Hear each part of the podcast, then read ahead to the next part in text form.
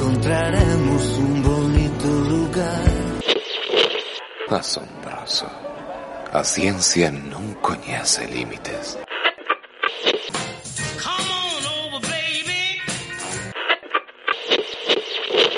Acaba de sintonizar vostede Valeiro Perfecto.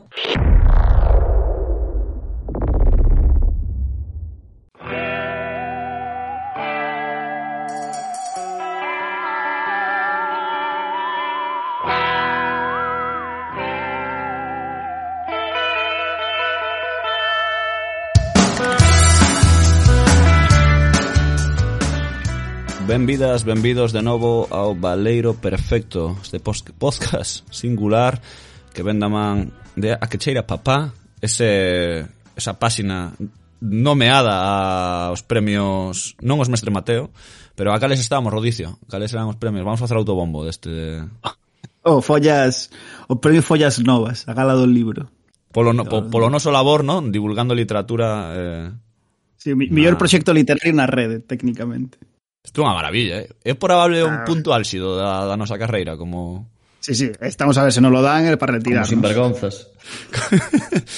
bueno, estamos tiñamos que facer esta sección de autobombo feita xa tal eh, seguimos co, cos presentacións normais e eh, antes de Rodicio que xa coñecedes igualmente vou presentar a Alba porque por tradición e eh, por doutoramento ten que ser a primeira en ser animada así que Alba Rozas compañeira que tal todo o mundo ben Hola, que tal?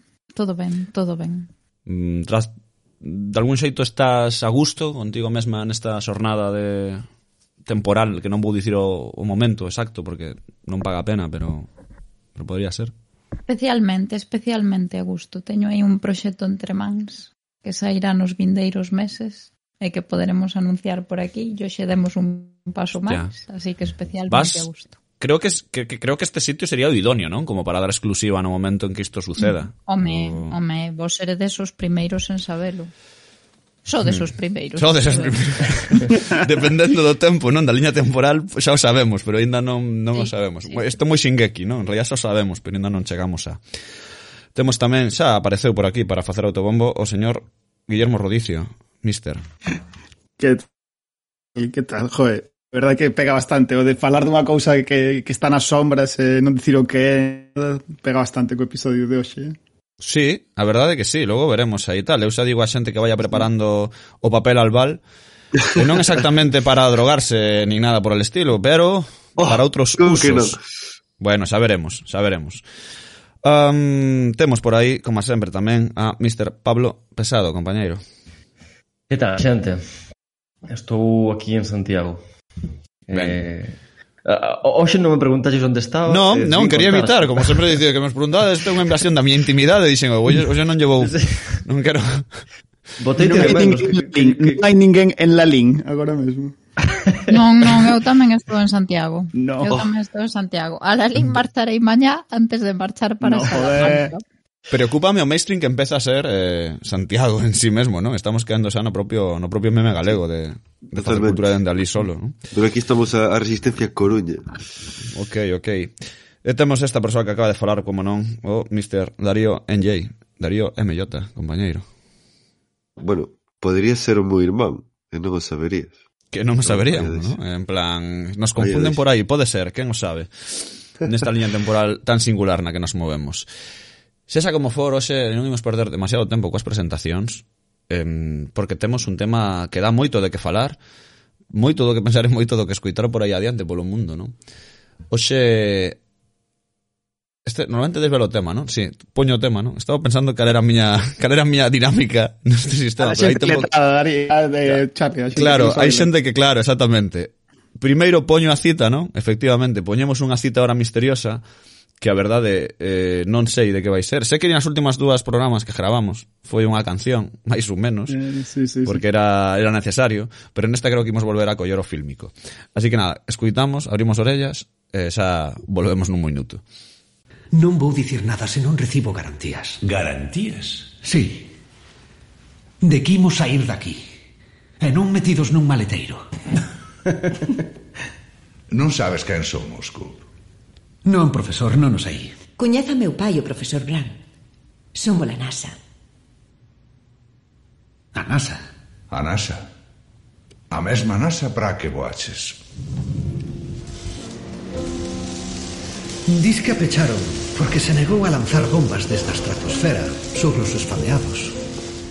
Cando se decataron de que matar xente non era unha solución a longo prazo, reiniciamos o traballo en segredo por que en segredo? Porque a opinión pública non aceptaría os gastos en exploración espacial cando hai dificultades para poñer comida na mesa. Así, efectivamente, imos falar de conspiracións, e por iso dicía do papel albal, non? Preparados vosos gorros de aluminio. Isto estamos preparados para que non nos pillen noutra. Aquí vampiro existen, se o sabedes. Mm, hemos sido engañado tamén.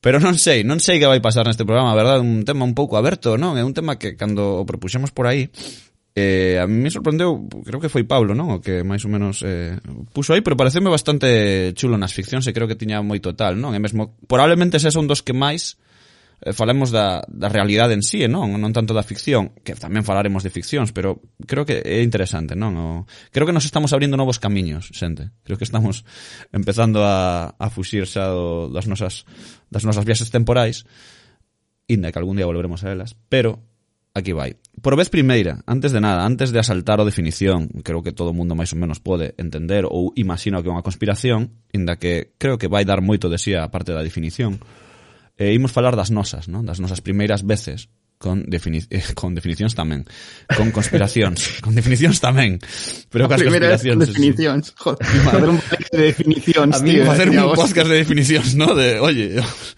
A mí me gusta Entramos- a idea, eh? pareceme así como bastante meta. Mm. bastante meta, ¿no? Entraríamos nas dinámicas... diccionarios. Sí, sí, sí. Sí. Sería como facer unha como unha cidade de Nadal, pero non como non, algo de onde estemos nos de, dentro do, do programa. Algún día o faremos. Ei, ¿Qué? Non moi meta. Non vai meta. pasar, non vai pasar. Non vai pasar. Alba Rozas, compañeira, contanos a túa vez primeira cunha cunha conspiración. Pois de ser consciente de que estaban conspirando contra min. Pois veredes, cando estaba chegando a... Mm, eu tiven a primeira Nintendo, a primeira Game Boy que veu o mundo. Esa que sobreviviu a bombas e por aí. Bueno. Pois aínda aínda funciona, e é a única que funciona. Teño o resto de Game Boys, pero as outras non funcionan. Pois é eh, un dos primeiros xogos o que xoguei, que creo que xa falei aquí del varias veces, é o Super Mario Land. Entón, um, quería ser a primeira da familia en pasar ese xogo, porque non conseguíamos chegar ao final de todo as outras persoas da familia que tamén xogaban. E nunha das últimas fases finais, e cando pensas que rescataches á princesa, eh, pasa en fases anteriores, pero cando pensas que xa estás na final final e pensas que rescataches a princesa, pois a princesa convirtese nun bicho. E tes que pasar aínda outra fase máis. Entón, pois aí é cando sentín que estaban conspirando contra min. Así por primeira vez. Era toda unha conspiración de Bowser. Sí, sí, sí, sí, os bichos todos conspirando contra o pobre Mario que era eu e non había maneira de rescatar aquela princesa. Si, si. Gustame o concepto tamén de ser a primeira en pasar os xogos, as como a primeira en conseguir un título universitario, a primeira en pasar o Super Mario. Os, os teus logros no, familiares. A, a primeira en conseguir o título universitario non fun, pero sí que é certo que a primeira en pasar o Super Mario fun. O que pasa é que o Super Mario tedes que entender que despois tamén quedou moi desfasado. E despois, pois, meu irmán superoume moitas cousas porque é gamer, entón. Que eu xa non podo dedicarme a iso. Uh -huh. Pero sí, o fito de pasar o Super Mario Land completo é meu. Despois cando chegou meu irmán xa había Super Mario Bros, xa non se xogou a iso. Pero o do Super Mario Land é meu. Bueno, un bo récord Guinness, non? Uh -huh. um, compañeiro Guillermo Rodicio, cal é a, a túa primeira vez con isto? Son consciente de que eh, levo contado varias historias sobre fútbol na, na miña xuventude neste, neste podcast. Non sei por qué, como que conecta con moitas cousas. Pero a de hoxe tamén tamén está relacionada co fútbol como xa sabes todas, cando vivía no barco xogaba bastante o fútbol, xogábamos o fútbol 11, e xogábamos pois na liga na liga galega, bueno, era, era a liga de xuvenis de Ourense, e íbamos basicamente pois por moitos sitios de Ourense a campos de, a campos de fútbol a, a xogar o fútbol. E un que eh, hai un partido en en particular que recordo moito porque fomos a xogar un campo de terra que hai eh, en Ourense cerca da, do centro comercial da Pontevella. Yo recordo moito porque era un partido onde eh, chovía moitísimo, era en pleno inverno, estaba a chover toda a semana, e o campo estaba bastante embarrado, pero en particular estaba embarrada unha das bandas, e eu son xogaba de extremo, xogaba de extremo esquerdo para, para adiante, e, o, e a metade do campo estaba extremadamente embarrada, e eu fallei tres ou catro veces goles a porta vacía ese partido, porque o campo estaba embarradísimo. E ao final per, perdimos o partido e eu, e eu per, o sea, foi culpa miña perder o partido. Pero eu non son tan malo xogando a fútbol, así que definitivamente foi toda unha conspiración contra min. Descubrín posteriormente que a Federación Ourensana de Fútbol mm. colocara o, o, o, o, este campo en cuestión cunha lixeira inclinación cara á esquerda, de maneira que era ese lado o que se embarraba moito máis. E eso só era o principio, porque descubrín que a miña propia mãe estaba metida na conspiración, porque nese inverno non me deixara comprar as botas de tacos de aluminio que aguantan moito mellor en auga e tiña que xogar cos tacos de goma que me facían esbarar. E eh, ata o de agora é ata onde cheguei na, nesa conspiración contra, contra o meu ego futbolístico. Diría Rodicio que eses tacos de aluminio eran un pouco como o teu gorro do papel albal?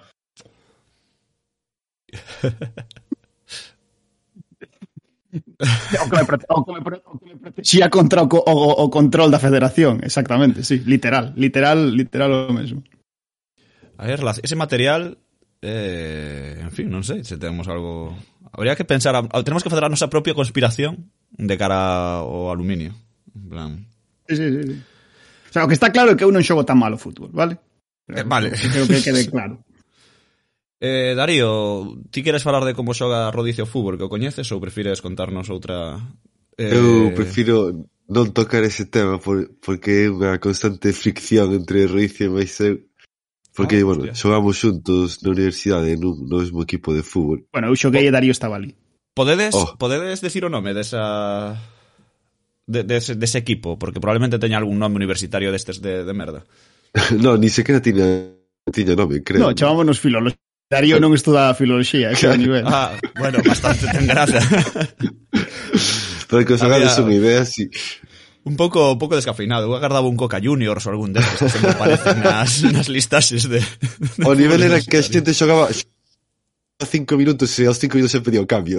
o sea, que... Bueno, eso ah, está, está Equipo ahí, de desenvergoña, eso. Pero bueno, sí. Sí, sí, sí. sí. Bueno, eh, conta, conta. a primeira vez, pois, non sei se dicir aquí un pouco para facer un pouco os salti os, os compañeros de podcast de Harry Potter, tío. Porque o de mm. Voldemort é unha conspiración. Hmm. E xa está. Wow. A, a, a, pero... a historia, eh, Dani? É a túa primeira pero, bueno, experiencia con conspiracións, Voldemort. A ver, non sei se a miña primeira, pero a, a que lembro agora mesmo sí, pero a que ven agora mesmo a cabeza.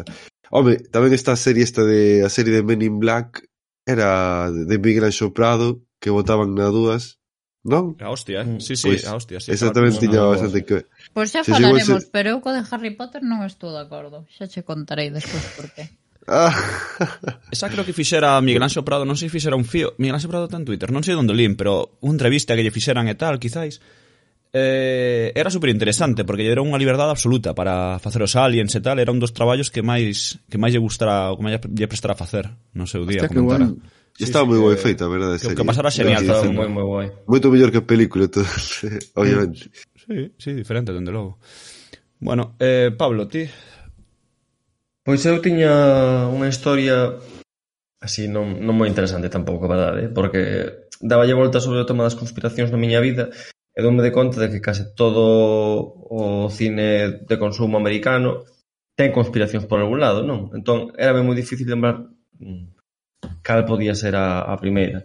Entón, ia tirar un recordo así persoal que que unha das miñas obras favoritas sobre conspiracións que é 20 Century Boys, un, un manga moi coñecido, pois lino indo en, en avión ao festival o Sonar, aí xa moitos anos, é como un recordo que teño así como moi profundo, non? De o Brao chegando, o festival, estar lendo isto, bueno, un recordo así de día de durada. Pero agora, mentre falábamos de Cateime, de que eu montei unha conspiración, e non o lembraba. Xa vos contei algunha vez que era un neno moi repelente, e, en fin, xa vos dei algúns datos a este respecto. Hmm. Eh, pois, pues, entre as miñas actividades de repelencia infantil, montara unha especie de club de espías que se chamaba a CIA, e eu repartía carnés, como, como os carnés da galeguidade, pues, carnés de espías. Se chamaba a CIA, a CIA. A CIA, a CIA, sí. Joder, a imaginación aí, aí a, a full, eh? A full. E dábamos carnés e a cada quen, a cada membro asignáballe un nome que era un animal e un adxectivo, non? Como tigre, mm, eu que sei, brillante. É así, é que cada persoa era un oso. Tigre do futuro, tigre do futuro. Tigre do futuro, sí. E nada, eh, a conspiración fallou por falta de interese dos, dos membros, a verdade. A pesar de que lles fixen uns carnets así plastificados preciosos, pero sudaron moitísimo. Hostia, plastificados, ademais, cuidado, eh. Mm, O, o clube de espías que se chama ACIA e todos teñen nomes de indios, tío. É que menuda locura. Tiña seis anos, Rodicio, a ver. A ver, a ver dalle, dalle chance, non? Va? Claro, bueno, pois pues eu, eu fun víctima dunha conspiración masiva eh, que se dá habitualmente nas, nos fogares que depende de onde do sitio ten unha lenda ou outra, pero no fondo é o mesmo que sucede no Nadal, máis máis que nada, en a que Cuidado, eh. Cuidado. Claro, eh, máis que nada, pois algún botalle, o sea, fan crer, non os pais, unha, masivamente fan crer aos nenos e nenas que hai algo, un poder máxico por aí que pois pues, que che deixa regalos, eh, que invada a túa casa, un fogar, a cousa que sempre me parecerá unha idea terrorífica no fondo, pero que funciona, non? En plan, aquí en Galiza pois temos o apalpador, outros dirán que é Papá Noel e outros dirán pois os Reis Magos, non? Pero sempre me parecerá unha conspiración das das máis extendidas no mundo, das máis masivas, non? No, no sentido estricto. E sobre todo porque además é terrible porque estás enganando os nenos, non? Eh, os cativiños, o sea, é como moi fácil, non? Fala que che colen esta, non, non, tes, non tes base esencial teórica para poder rebatir tal asunto. Ata que supoña agora que chegue internet, é máis difícil controlar os, os cativos, non? Pero eh, eu concibo poucas tan masivas como esta tan e, e tan ben fiadas, ademais, eh? O sea, hai excusas para todo. Pero sí, mm, polo menos hai regalos, non? É unha conspiración positiva no sentido estrito porque obtés algo. O sea, te, hai unha mentira que cae sobre ti, pero recibes un, unha compensación, ás veces económica, ás veces material, ás veces en especias. Eh, e creo que no fondo pois pues, está está ben traída, non? Ben levada. Así que non, non vou protestar en exceso sobre ela. Solo, oh, un gato por aí. Bueno, dito isto, eh, vou poñer aquí a melodía básica e absoluta que temos neste neste falangullo e do, vamos, damos paso a, a seguinte sección.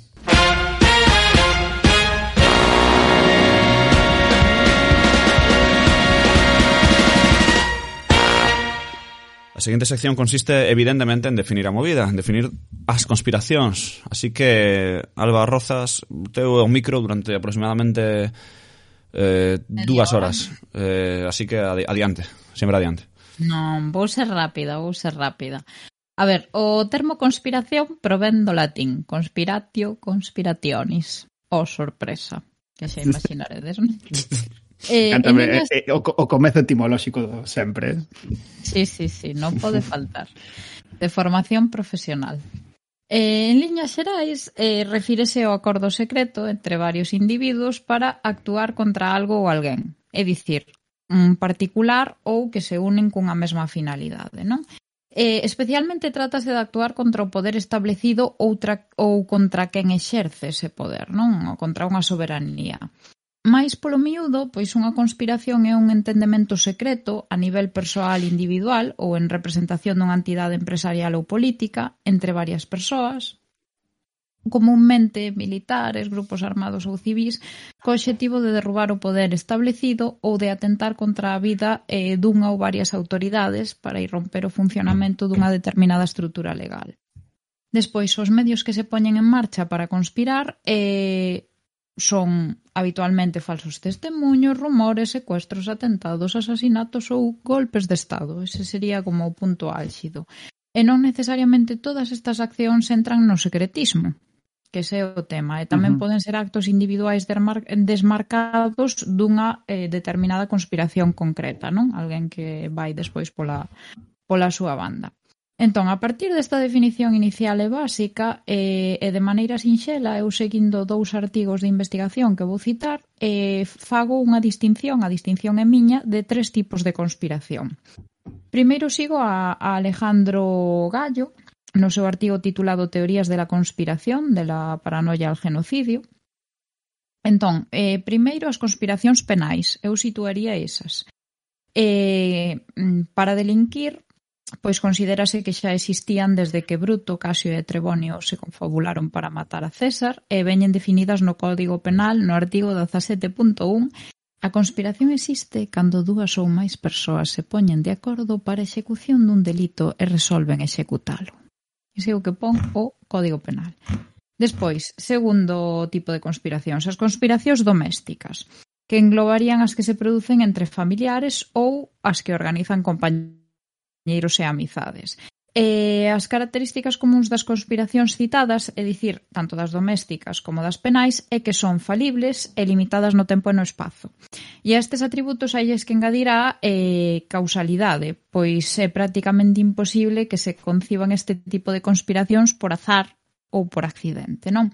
E despois temos a miña favorita, que son a terceira o terceiro tipo, que son as teorías da conspiración ou grandes teorías da conspiración. E, e segundo explica Gallo, eh, fan referencia a un plan xestado por un grupo que mantén ocultas as súas intencións e accións para conseguir vantaxes de orde política, económica e social. Incluen a eh, invasión de extraterrestres para se apoderar do mundo Os segredos que os gobernos ocultan sobre os atentados. A teoría de que o home nunca pisou a lúa, eu, eu son fan desta teoría, eh? O SIDA como creación en laboratorios, os Illuminati, que as vacinas non sexan efectivas, co que, co, que o cambio climático sexa un fraude, é un longuísimo, etcétera, non? E estas teorías existen sen que se saiba cal é a súa función, como naceron ou a que e para que serven. Por eso son as grandes teorías da conspiración. Desenvólvense na posmodernidade na globalización, ao abeiro do consumismo, das novas tecnoloxías, dos medios de comunicación, das redes sociais, do movimento instantáneo de capitais, do pastiche, do simulacro, do control do tempo libre por parte da industria do entretemento, das fake news e da posverdade, non? Fronte ás conspiracións reais, que son falibles e limitadas no espazo e no tempo, como falábamos antes, as teorías da conspiración aséntanse no presuposto de que as conspiracións son o motor da historia eh, que está dirixida, non? porque as, aparen as aparencias enganan e nada é azaroso, non? Entón esa é a visión da historia como que está dirixida por uns poucos. E despois, en outro artigo de o Antonio Pérez Cernaiz, eh, que se titula, vou non dicir en galego o título, Facemos mellor ciencia que a ciencia mesma, as teorías da conspiración como discurso académico, Define tamén as teorías da conspiración desde as ciencias sociais como a crenza en que os eventos son causados por axentes concretos e identificáveis que hábilmente esconden os seus motivos e accións. E ademais entende que estas teorías da conspiración contradín ou difiren das explicacións comúnmente aceptadas, en particular das explicacións que están baseadas nas ciencias. Aquí entrarían, por exemplo, os terraplanistas, moi claramente, mm. non? E tamén describe un dos aspectos eh, relevantes das teorías da conspiración, a insistencia en ser consideradas como boa ciencia fronte á mala ciencia establecida. Eh, son teorías que asumen como propia a retórica científica. E ata aquí. Pois eu vou continuar un pouco esta última proposta que faz ao, a gran teoría da conspiración, non?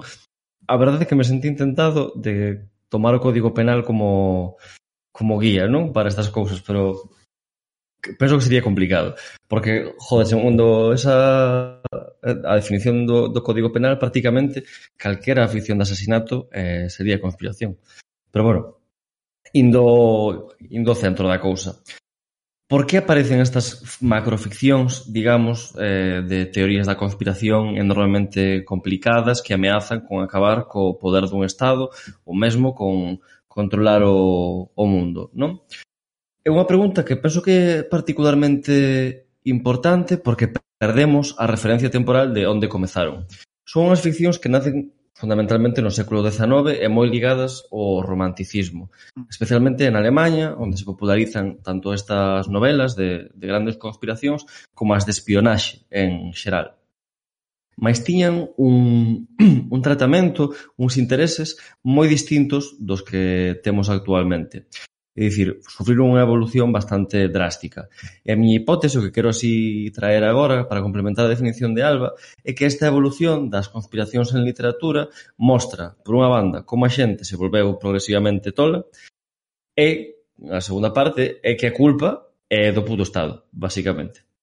Agora explico por qué hai unha interpretación, penso que moi típica, incluso en redes, non? De por que, por que existen as teorías da conspiración. Que é a seguinte, que estas teorías buscan dar resposta ao feito de que as conspiracións sí que existen. É dicir, que no poder hai constantemente pois eh, reviravoltas, negocios turbios, persoas que non foron escollidas democráticamente que guían o control, ese tipo de cousas, eh, e eh, a xente intúe e intúe que o que chega a través da, da imprensa é unha visión pois, moi filtrada, moi mediada do, do que é a realidade do poder.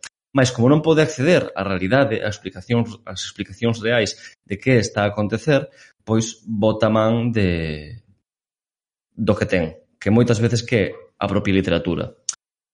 Isto implica que hai unha retroalimentación entre a ciencia ficción e, e teorías da conspiración, porque os conspiranoicos, moitas veces, para crear as súas fantasías, inspíranse no que escribiron escritores mm, dúas décadas antes. Non? Entón, indo a esta hipótese da relación entre conspiranoia e o Estado. Cando aparece a, a ficción conspiranoica, digamos, o Estado é unha cousa moito máis eh, fina, moito máis pequeniña do que hoxe en día, non? Uh -huh. eh, falamos de estados centralizados na persoa do, do monarca, que ou ben a poboación non sabía moi ben quen era esta xente, porque non trataba con eles, nin, nin tiña nada a ver, ou se o sabía, eran persoas que coñecía directamente, non? A través de intermediarios ou porque estabas na corte. Entón, era un poder con cara e rostro. Era un señor normalmente gordo, vestido con roupa moi cara, que ti podías nomear, saudar eh, ou temer incluso. Mais conforme o Estado se vai convertendo no que é a día de hoxe, vaise volvendo progresivamente máis escuro e máis difícil saber quen ten o poder, porque ese poder xa non reside non só individuos, senón nun montón de camadas organizadas a través de complexos mecanismos, é natural que esta progresiva complexización faga que a xente se volva mm, máis desconfiada. Non? Eh, o segundo factor que penso que é moi importante para comprender por que aparecen as conspiracións no 19 e como van a ir eh, evoluindo é que, claro, no 19 as conspiracións non só é un tema literario, eran a, o día a día da xente. Eh, se tires un escritor, normalmente, marcharas a vivir a capital porque os estados centralizarán todo. E se estabas na capital, probablemente estabas nos cafés falando con outros escritores e literalmente montando conspiracións todo o día. É o que a xente facía para divertirse. Meterse na masonería, ir a unha palestra por aí e contar como ian matar a, pues, a X líder para implantar a doutrina que, que fose. Non? Ten un, un libro Coselec boísimo sobre isto, Crítica e Crise, que, que recomendo moitísimo. Hmm. Selec, ah, Selec. Co Selec. Ragnar Koselec.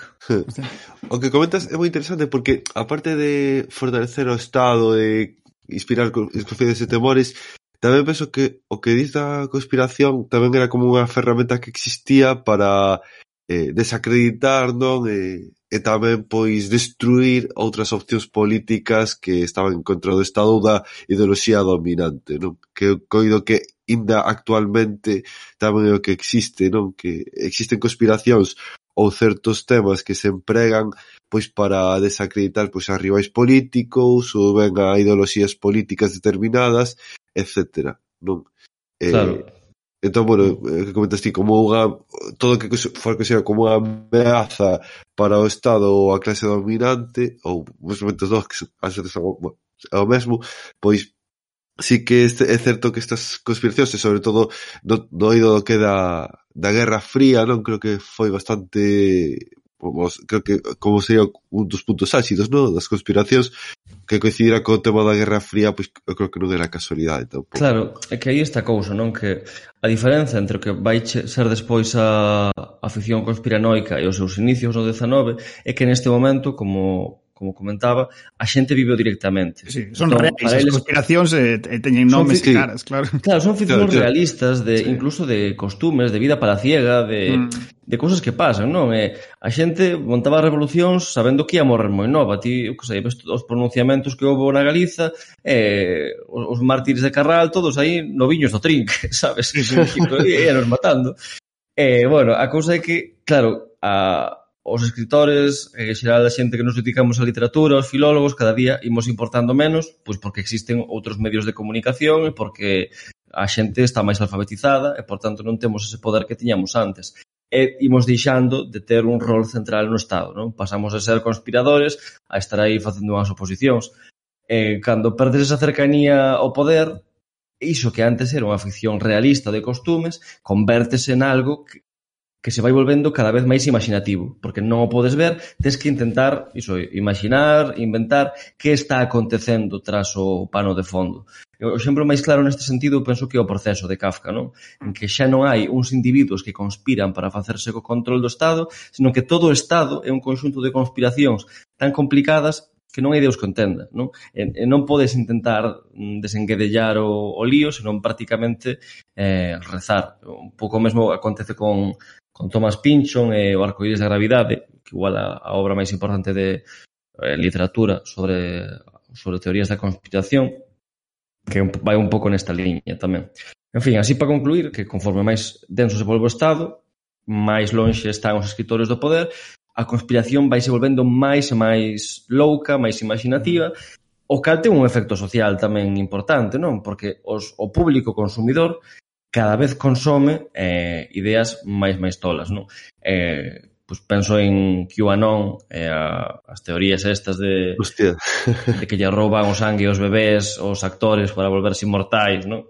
O claro, Pizzagate este tal... Sí, sí, un grau de escalada que se ti comparas coa literatura iso, romántica sobre o tema é, é, é unha locura, ou incluso con Chesterton, non? Eh, o home que foi xoves, que ten un... por falar despois disto que ten un trasfondo teolóxico, unha cousa moi rara, mas ainda así son persoas facendo cousas, non, non ninguén roubando sangue, en fin. Mm. Que hai unha relación aquí, penso eu. Non sei se esta teoría é un pouco rara ou como vedes, pero... Sí, pasa que eu penso que non é tanto... Quero dicir que creo que a, a narrativa conspiranoica do século XX en para adiante responde a outra natureza totalmente distinta e iso non significa que a outra desaparecese, porque penso que Que...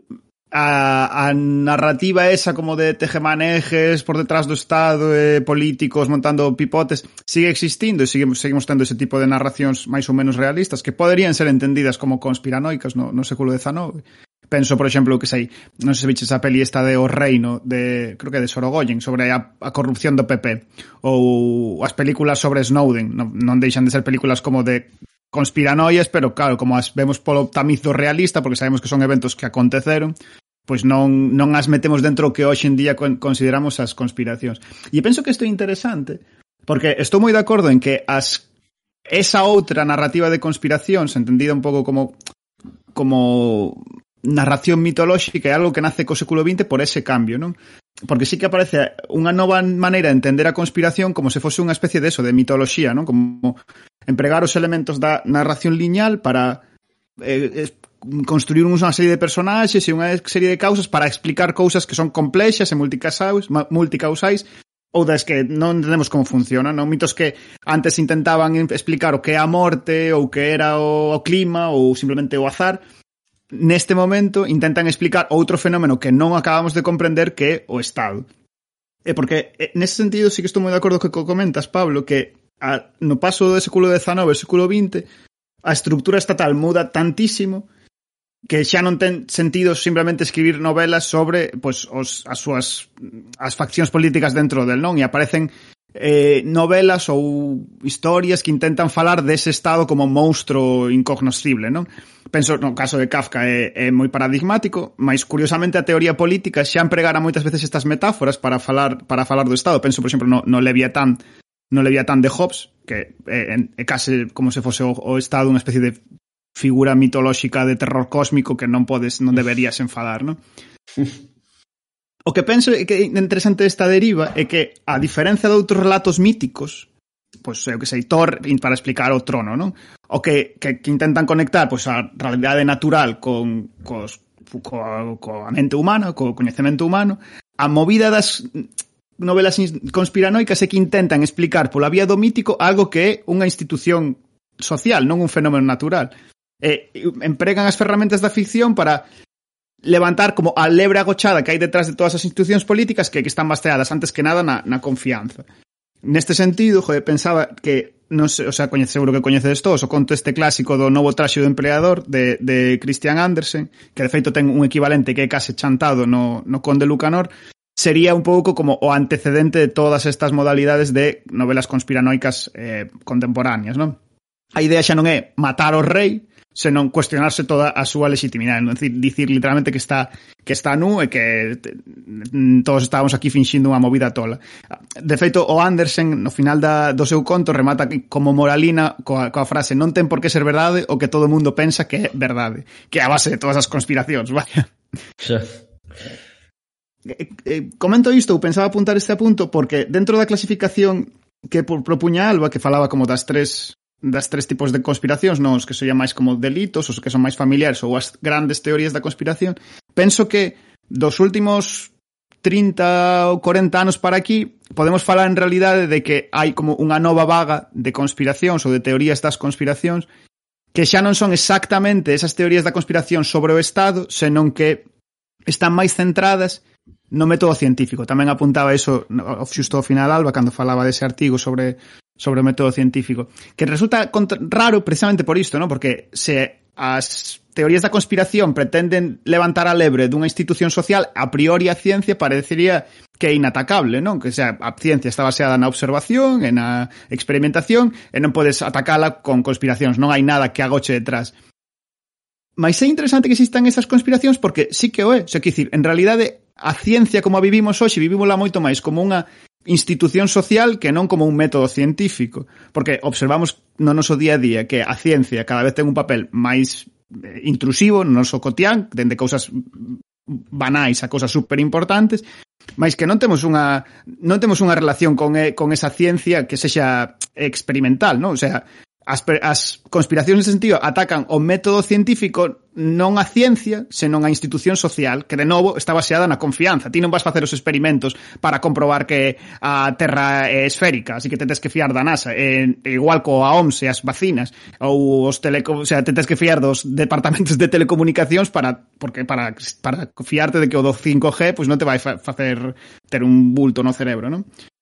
Eh, Normalmente falamos da conspiración científica como algo delirante e vemos o Estado e as institucións facer como pedagogía contra os negacionistas do COVID ou os terraplanistas e é evidente que este tipo de lógicas pois, poden ser problemáticas, dar lugar a, a, a problemas de orde público, máis vistas coa distancia. Este tipo de narracións conspiranoicas máis máis máis actuais denotan un problema real que temos, que é que a confianza e o pacto de ficción que hai que ter nas, nas persoas para poder manter estas institucións globais, igual non soportan un, un punto tan globalizado e infinitamente tecnificado como como que temos hoxe en día, non? Que quizáis como seres humanos non estamos preparados para esa completa virtualización da realidade en que toda cando a confianza ten demasiado peso xa non somos capaces de manter o pacto, non? Como que como que a ficción que se basea en todas as institucións sociais acaba esvaecendo e nacen as conspiracións, non? O contrato social, non? claro, sí, sí.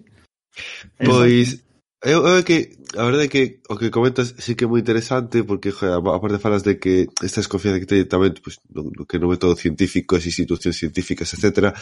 Pero aquí non temos conspiración, sí que aparte de clasificalas, como, como xa falamos un pouco pois pues, agora por enriba, sí que falaría de que moitas conspiracións eh, habería que def definir un pouco as conspiracións os graos que teñen, porque algunhas que sí que é certo que unha gran parte desa conspiración é certo e está demostrado que é certo, e logo xa hai algúns que xa pois entran maiormente pois máis especulación ou que directamente é todo inventado ou moi alleo á realidade ou con ideas super turbias, non? Como é o caso de QAnon, non? Por exemplo.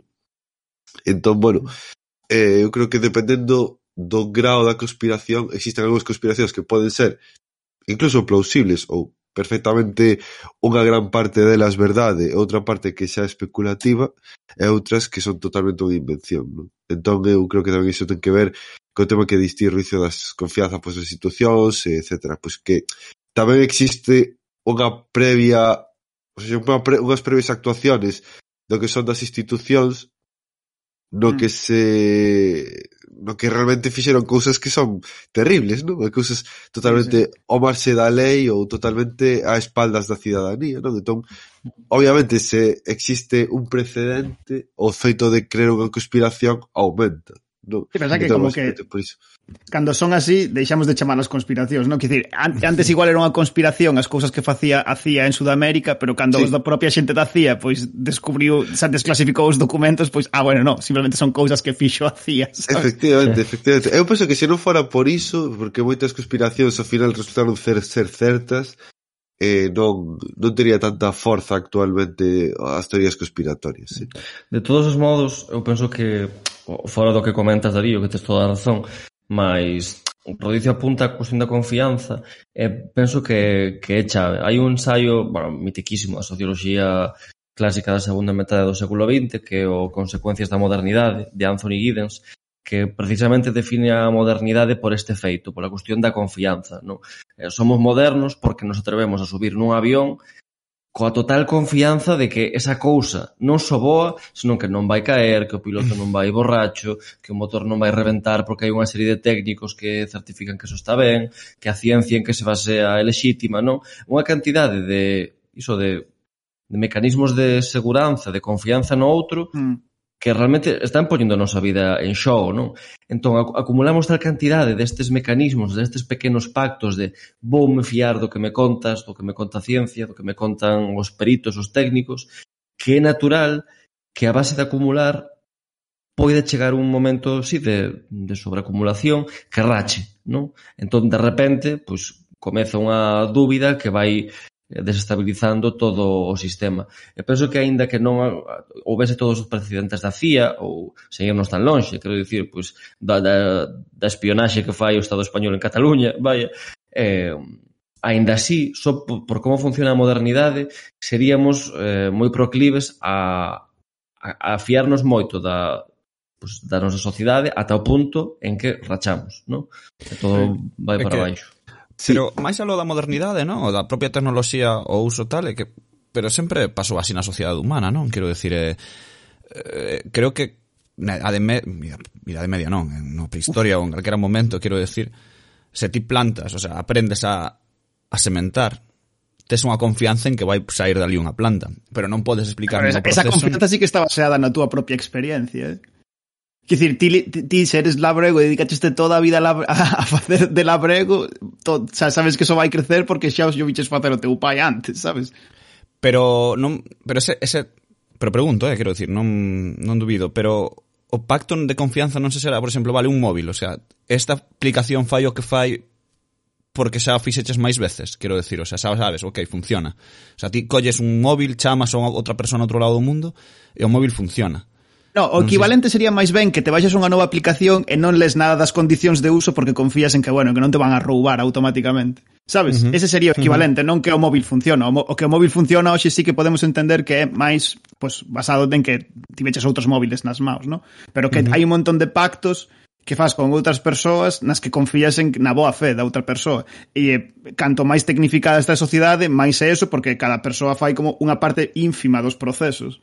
Quer dicir, de, no, no, ninguén pode replicar todo o proceso. Sabes? De, to, de todas formas, o que falas da ciencia, eu creo que máis que ciencia habería que falar de institucións científicas, porque o que é a ciencia en sí Uh -huh. Non creo no, que sexa algo no que se poda confiar ou desconfiar. Na, na ciencia en sí tamén, porque no sentido de que de novo, o proceso o proceso que fai cada persoa é minúsculo, quer dizer, igual hai un montón de notas facendo, o sea, de un montón de tipos ou de tipas, face, toma, tomando datos nun sitio e eles non fan nada máis nese proceso. Hai despois outras persoas que cotexan, outras persoas claro. que comproban.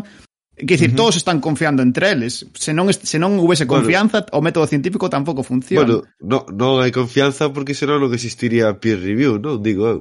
Claro, pero a, pe, a, peer, sí, pero... a peer review tamén baseas... Bueno, sí, di, di Pablo, Pablo. No, no, nada, que o peer review ás veces é unha guarrada que flipas. Bueno, sí, iso sí, pero joder, pero tanto é... Moitas persoas que traballan en ciencia, pff, moitas veces os resultados están super maquillados porque sí, se sí. non consegues o, pues, publicar pero o paper o grupo volvemos, pero volvemos entón, ¿no? volvemos entón as institucións ou as persoas e logo que a ciencia en sí, non? Creo, claro, pero, creo. pero por eso, o sea, ti, ti, ti vivimos nunha sociedade super tecnificada que a veces dirías, bueno, que todos nos comportamos por cousas objetivas, eh, non, todo funciona exactamente igual que que co, que coa burocracia o señor que che fai os papéis no rexistro, que decir. Uh -huh. Uh -huh. Pode ser. Bueno, pois pues de confianza vai a cousa un pouco. Eh, se vos parece, se credes vamos a, ao pozo, sacamos outros temillas, outros melóns e tiramos para adiante. Mm, igual, credes engadir algo máis por aquí? Ah, tira, tira. Tiramos, pois tiramos para diante. E doulle a palabra a Alba, na que confiamos sempre para facer as nosas definicións. Alguén está comprobando que as definicións de Alba mm, etimolóxicas xa sean correctas, porque igual vamos a un tempo cunha propia conspiración aquí por parte Digamos de Alba. en que Alba sabe latín e igual... Claro, e cuidado, eh. No, a, col, a conspiración é vosa que no último Valeiro cambiastes mo guión para meterme non sei que referencia a hentai de tentáculos. Aquí os conspiradores eso, todes vos. Eh? Iso é, iso é, iso é verdade. moi ben, sí, moi ben. Sí, sí, sí, sí, en fin. A ver, dous exemplos de conspiración que teño que facer aquí unha pausa dramática porque están uh -huh. sacados do meu amado Robert Howard e si vou falar de Conan, vou falar de Conan que canto okay. tempo levo sin falar de Conan xa. Pero... Tachamos Harry Potter antes, tachamos Conan agora, perfecto. Hai que escoller entre os dous, eh? xa vos lo digo. Vale, vale, vale.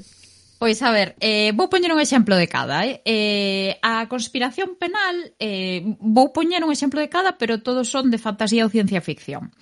A conspiración vale. penal eh, a min acordoume pois un dos relatos de terror que máis me gustou de Robert E. Howard. Robert E. Howard o que mellor ten son os relatos de terror, o sea, de terror sobrenatural. Eh, creo que dos mellores é a Pedra Negra e despois tamén hai outro que non recordo o título, pero é eh, é tamén moi bo, eh, mm, non recordo o título agora.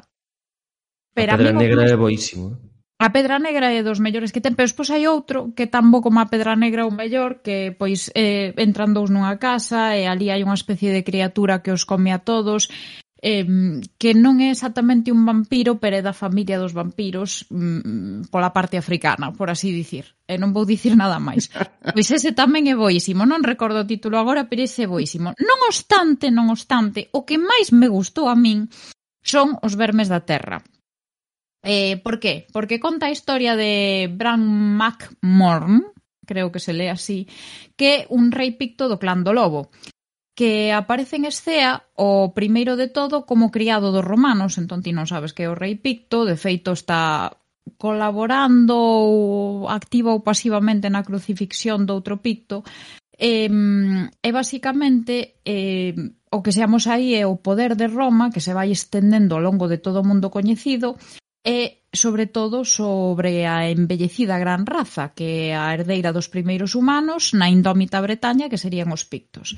Entón, para vencer a Roma, este líder o que vai facer, aparte de desenmascararse como criado, vai deixar de facer ese papel de criado barra escravo, eh, terá eh, primeiro que acceder aos coñecementos ou saberes ou crenzas dos seus antepasados, a través dos abismo, abim, abismos subterráneos nos que habitan E basicamente para acceder a eles ten que contactar cunha muller que se di que é unha especie de bruxa, etc. Pero logo descubrimos que é unha lobis muller e terá que prostituirse porque é o prezo que lle pon ela e que se deite con ela e para, pois iso, para que o conduza pois eh, xustamente ás covas e eh, polos camiños onde se agochan estas forzas sobrenaturais que non se chega a desvelar explicitamente, dase a idea de que son un tipo de monstro barra divindade non especialmente bonita nin agradable, pero non se chega a explicitar de que monstro se, se trata, non? Aquí é un uh -huh. pouco onde empata con Robert e. Howard, eh, Robert e. Howard empata con, con Lovecraft, eh, esa especie de Cthulhu que está sempre presente, pero que non, pois é unha cousa parecida, non? Pero bueno, dice que son moitas criaturas subterráneas e que el que as ve xa queda como buf. Eh, son pois os deuses de algunha maneira, deuses ou demos do povo picto, e son as que desde as profundidades da terra acaban co avance das tropas romanas e eh, co general eh, que o tiña de escravo, non? Porque de feito ao final é moi espectacular porque el quere matar dignamente a ese general, pero xa o tipo creo que termina tolo e medio trenco, o sea, xa non hai tempo para unha para un desenlace digno. E o máis perturbador do conto é que ao final pois a Lobis muller dille que, que non se esqueza de que algún día as súas divindades virán cobrarlle o favor que lle acaban de facer. Entón, a min é un dos que máis, a min é o que máis me gustou. Boa, que gusta moito en xeral este conto que traes e a relación pois, con Roma, que é un lugar na, na historia especialmente proclive a, a conspiración, porque penso que nos leva a, a contextos en que tradicionalmente non buscaríamos. Non? Pois eu antes estaba aí moi, moi timudo co século XIX e tal, mas a verdade é que se tomamos conspiración mm, estritamente, non segundo o Código Penal, como dicías, é moi fácil meternos a co cousas que parece que non pegan, mas que sí que pegan, non? O sea, penso, eu que sei, desde Edipo Rei ata, to, en xeral, todas as historias de nenos escollidos que intentaron ser asasinados para acabar con a dinastía e acaban volvendo, non? Hai conspiracións en todas as ficcións, tamén en Fonte Ovejuna, por suposto, ou, agora que o penso, tamén no Señorito da Rebolaina, do Otero Pedrallo, non sei se a coñecedes, pero que é unha novela increíble. Para min a miña favorita de, de Pedrallo, que vai dun revolucionario liberal galego no, no 19, Xoa Manuel Pereira, que basicamente mmm, dedícase a meterse en todas as conspiracións que, que atopa. É unha locura. O sea, é, é así un pouco o ideal de un mozo romántico, busca problemas, tal. E, e todo iso realmente Poderían ser conspiracións tamén, non? E, eh, entrar no, no saco. O que convertería, por certo, o señorito da Reboroaina na primeira novela galega de conspiracións, seguramente. Sempre obsesionados con atopar o primeiro de todo. Eu sei, eu sí. Mm, non, sei, seguramente os antecedentes están Obvio. antes na poesía ou... Ou na Biblia... literatura gótica en castelán... Na Biblia Vicente, estaba, estaba Judas aí, e Xesús. tamén, tamén, tamén. Joder, tamén foi a verdad. primeira conspiración. Tamén é verdade. Bueno, sí, hai varias. Anterior a esa está de, sabe, sabe. Joder, todo de Moisés e o Éxodo tamén é como unha conspiración, no? Do Hostia, tipo pois pues metido sí, metido na casa dos faraóns que ao final montalle o pipote tamén. Sí, sí, sí. Joder, que a Biblia está chea de conspiracións. Sí, sí, a Biblia está chea de conspiracións. O dos macabeos é tremendo conspiración tamén, por exemplo. É que aí vou, non é por volver a levar Fight as, God. Fight as God. augas ao meu moinho, mas penso que esta ollada máis ampla non deixa de confirmar tamén a miña hipótese, de que parece que a contradiga, porque, claro, tanto a Biblia como eu que sei, a historia de Heródoto, que son textos, eh, digamos, máis ou menos mm, prácticos, que non teñen ninguna función fantasiosa, aínda que sexan un relixioso ou outro laico, están cheos de conspiracións, como digo, porque é o normal, quero dicir, en, son tratan de unidades políticas pequenas en que todo o mundo se coñece e o normal é que a xente se mate para conseguir eh, chegar ao poder, non? É unha cosa que se adoita dicir moito na, na historiografía, pero que, que menos vive nun, nun pobo humano son os seus monarcas. Os monarcas nunca chegan a vellos porque hai alguén que os mata antes. Entón, é, é só despois, cando comeza a haber un, af, un afastamento dos, dos escritores ao poder que, que vai aparecendo este xénero tan, tan característico, non? Igual certo hai que reivindicar que Rinoceronte faga a traducción inteira da historia de Heródoto que está guapísima, eh? Boa, totalmente, totalmente.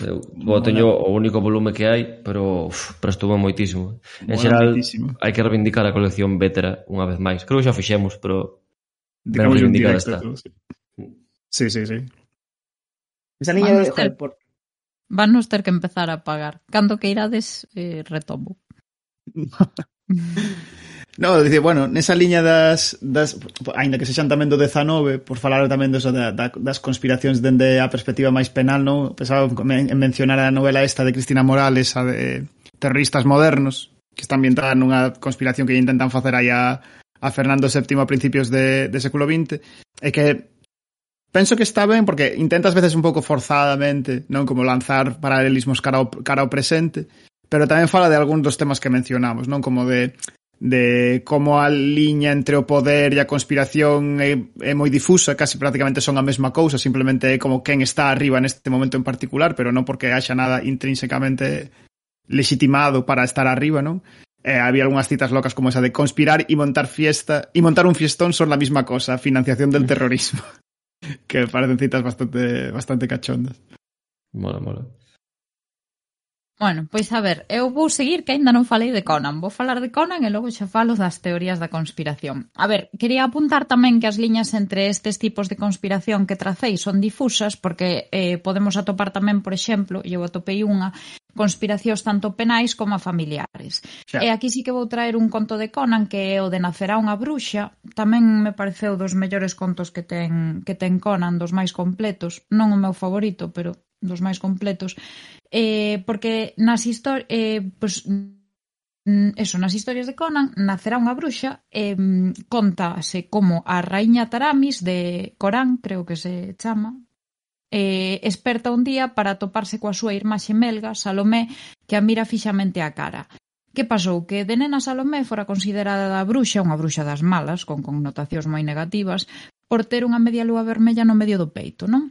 Eh, entón, foi abandonada no deserto para que morrese, pero recolleuna un mago que a instruiu. Así que Salomé, de adulta, conspira cun home chamado Constancio que lle chaman o Falcón, tamén está connotado moi negativamente, que é un mercenario e quere apoderarse da cidade-estado na que goberna eh, Taramis, neste eh, Caurán ou Corán ou como se chame.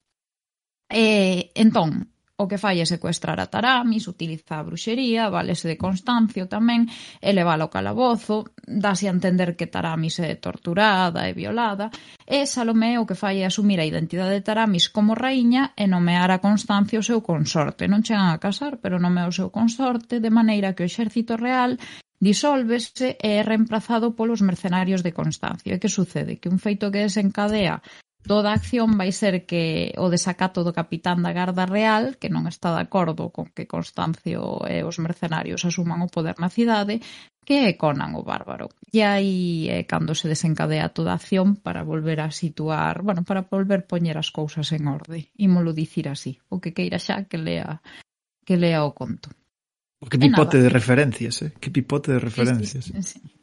O sea, parece un rato de Edipo, que vai ser Edipo, despois de repente como... É unha pasada, o sea, é unha pasada. Sí. É unha pasada, pero en xeral, eh? a ver, eu sei que as historias de Conan son sota cabalo rei, tamén é certo que ten unha parte de misoxinia, non en todas, eh? hai personaxes femininos moi interesantes tamén, pero bueno, despois está, pois eso, o, o que lle interesa amorosamente a Conan é eh, eh, eh, que, en fin, que non dá para moito máis pero sí que é certo que están moi ben, aínda que sexan sota cabalo rei, están moi ben as referencias, toda a visión que hai do exótico ou a visión que hai do nórdico é moi a min gustoume mm. uh moito, a verdade. Uh -huh.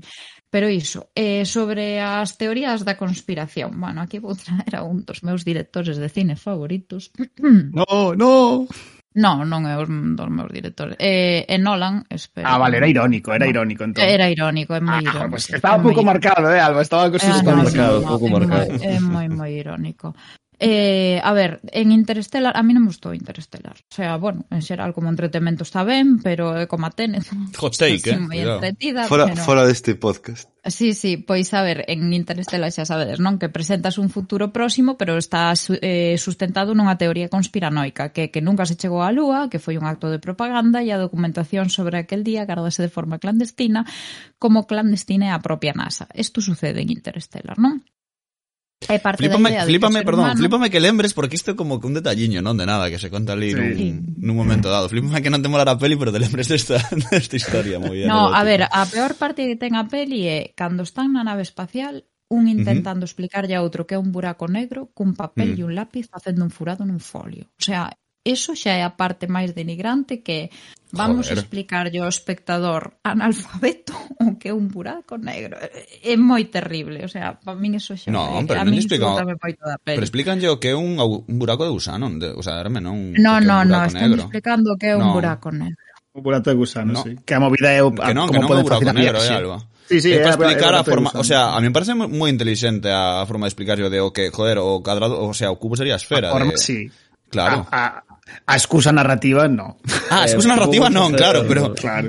Sí, sí. Vou facer claro, claro. os planning, pero lembrade que o que temos son buracos de miñoca, amigos. Buracos de miñoca? é demasiado bonito como para da, que non usedes. Da praza de miñoca, como son de praza de miñoca en Vigo.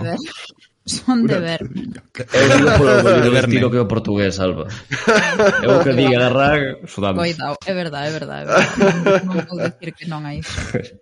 Bueno, en calquera ¿eh? caso, en calquera caso, a película parte da idea de que o ser humano non pode buscar outros mundos e que está completamente a merced dunhas tormentas de polvo, que eso supoño que está basado nos smog que houve en Inglaterra un tempo, sí. bueno, que ameazan acabar con el.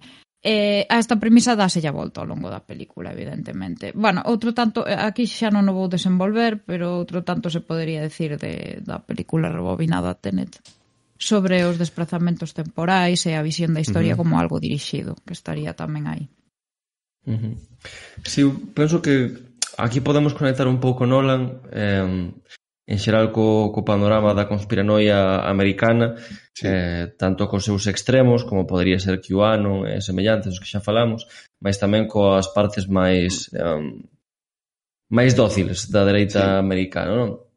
É que Nos feito, o... Sí, perdón, Adri, di. No digo que de feito que en Interstellar as conspiracións que se plantexan en Interstellar por parte curiosamente ademais de xente que son mestres, non? E, e xente que traballa no, no instituto, eu creo que xa que falas que, que Nolan pois tira un pouco para ser que un pouco así, pois con, como conservador, non? Na súa ideoloxía, eu creo que ten un pouco unha crítica que, bueno, crítica, unha eh, unha, cari unha caricatura que fai Nolan da esquerda estadounidense, non, nalgúns, nalgúns aspectos. Eu creo que, porque, ao fin e a cabo, tamén, eu creo que o de ligar a teoría da conspiración de que o home nunca estivo na lúa estaba sobre todo ligado a, ao que é considerado, bueno, o hipismo, non? Ou a cultura así, en teoría, esquerda estadounidense, máis que nada, pois pues, para eh, desprestixiarla, non? Tamén, eu creo. Claro.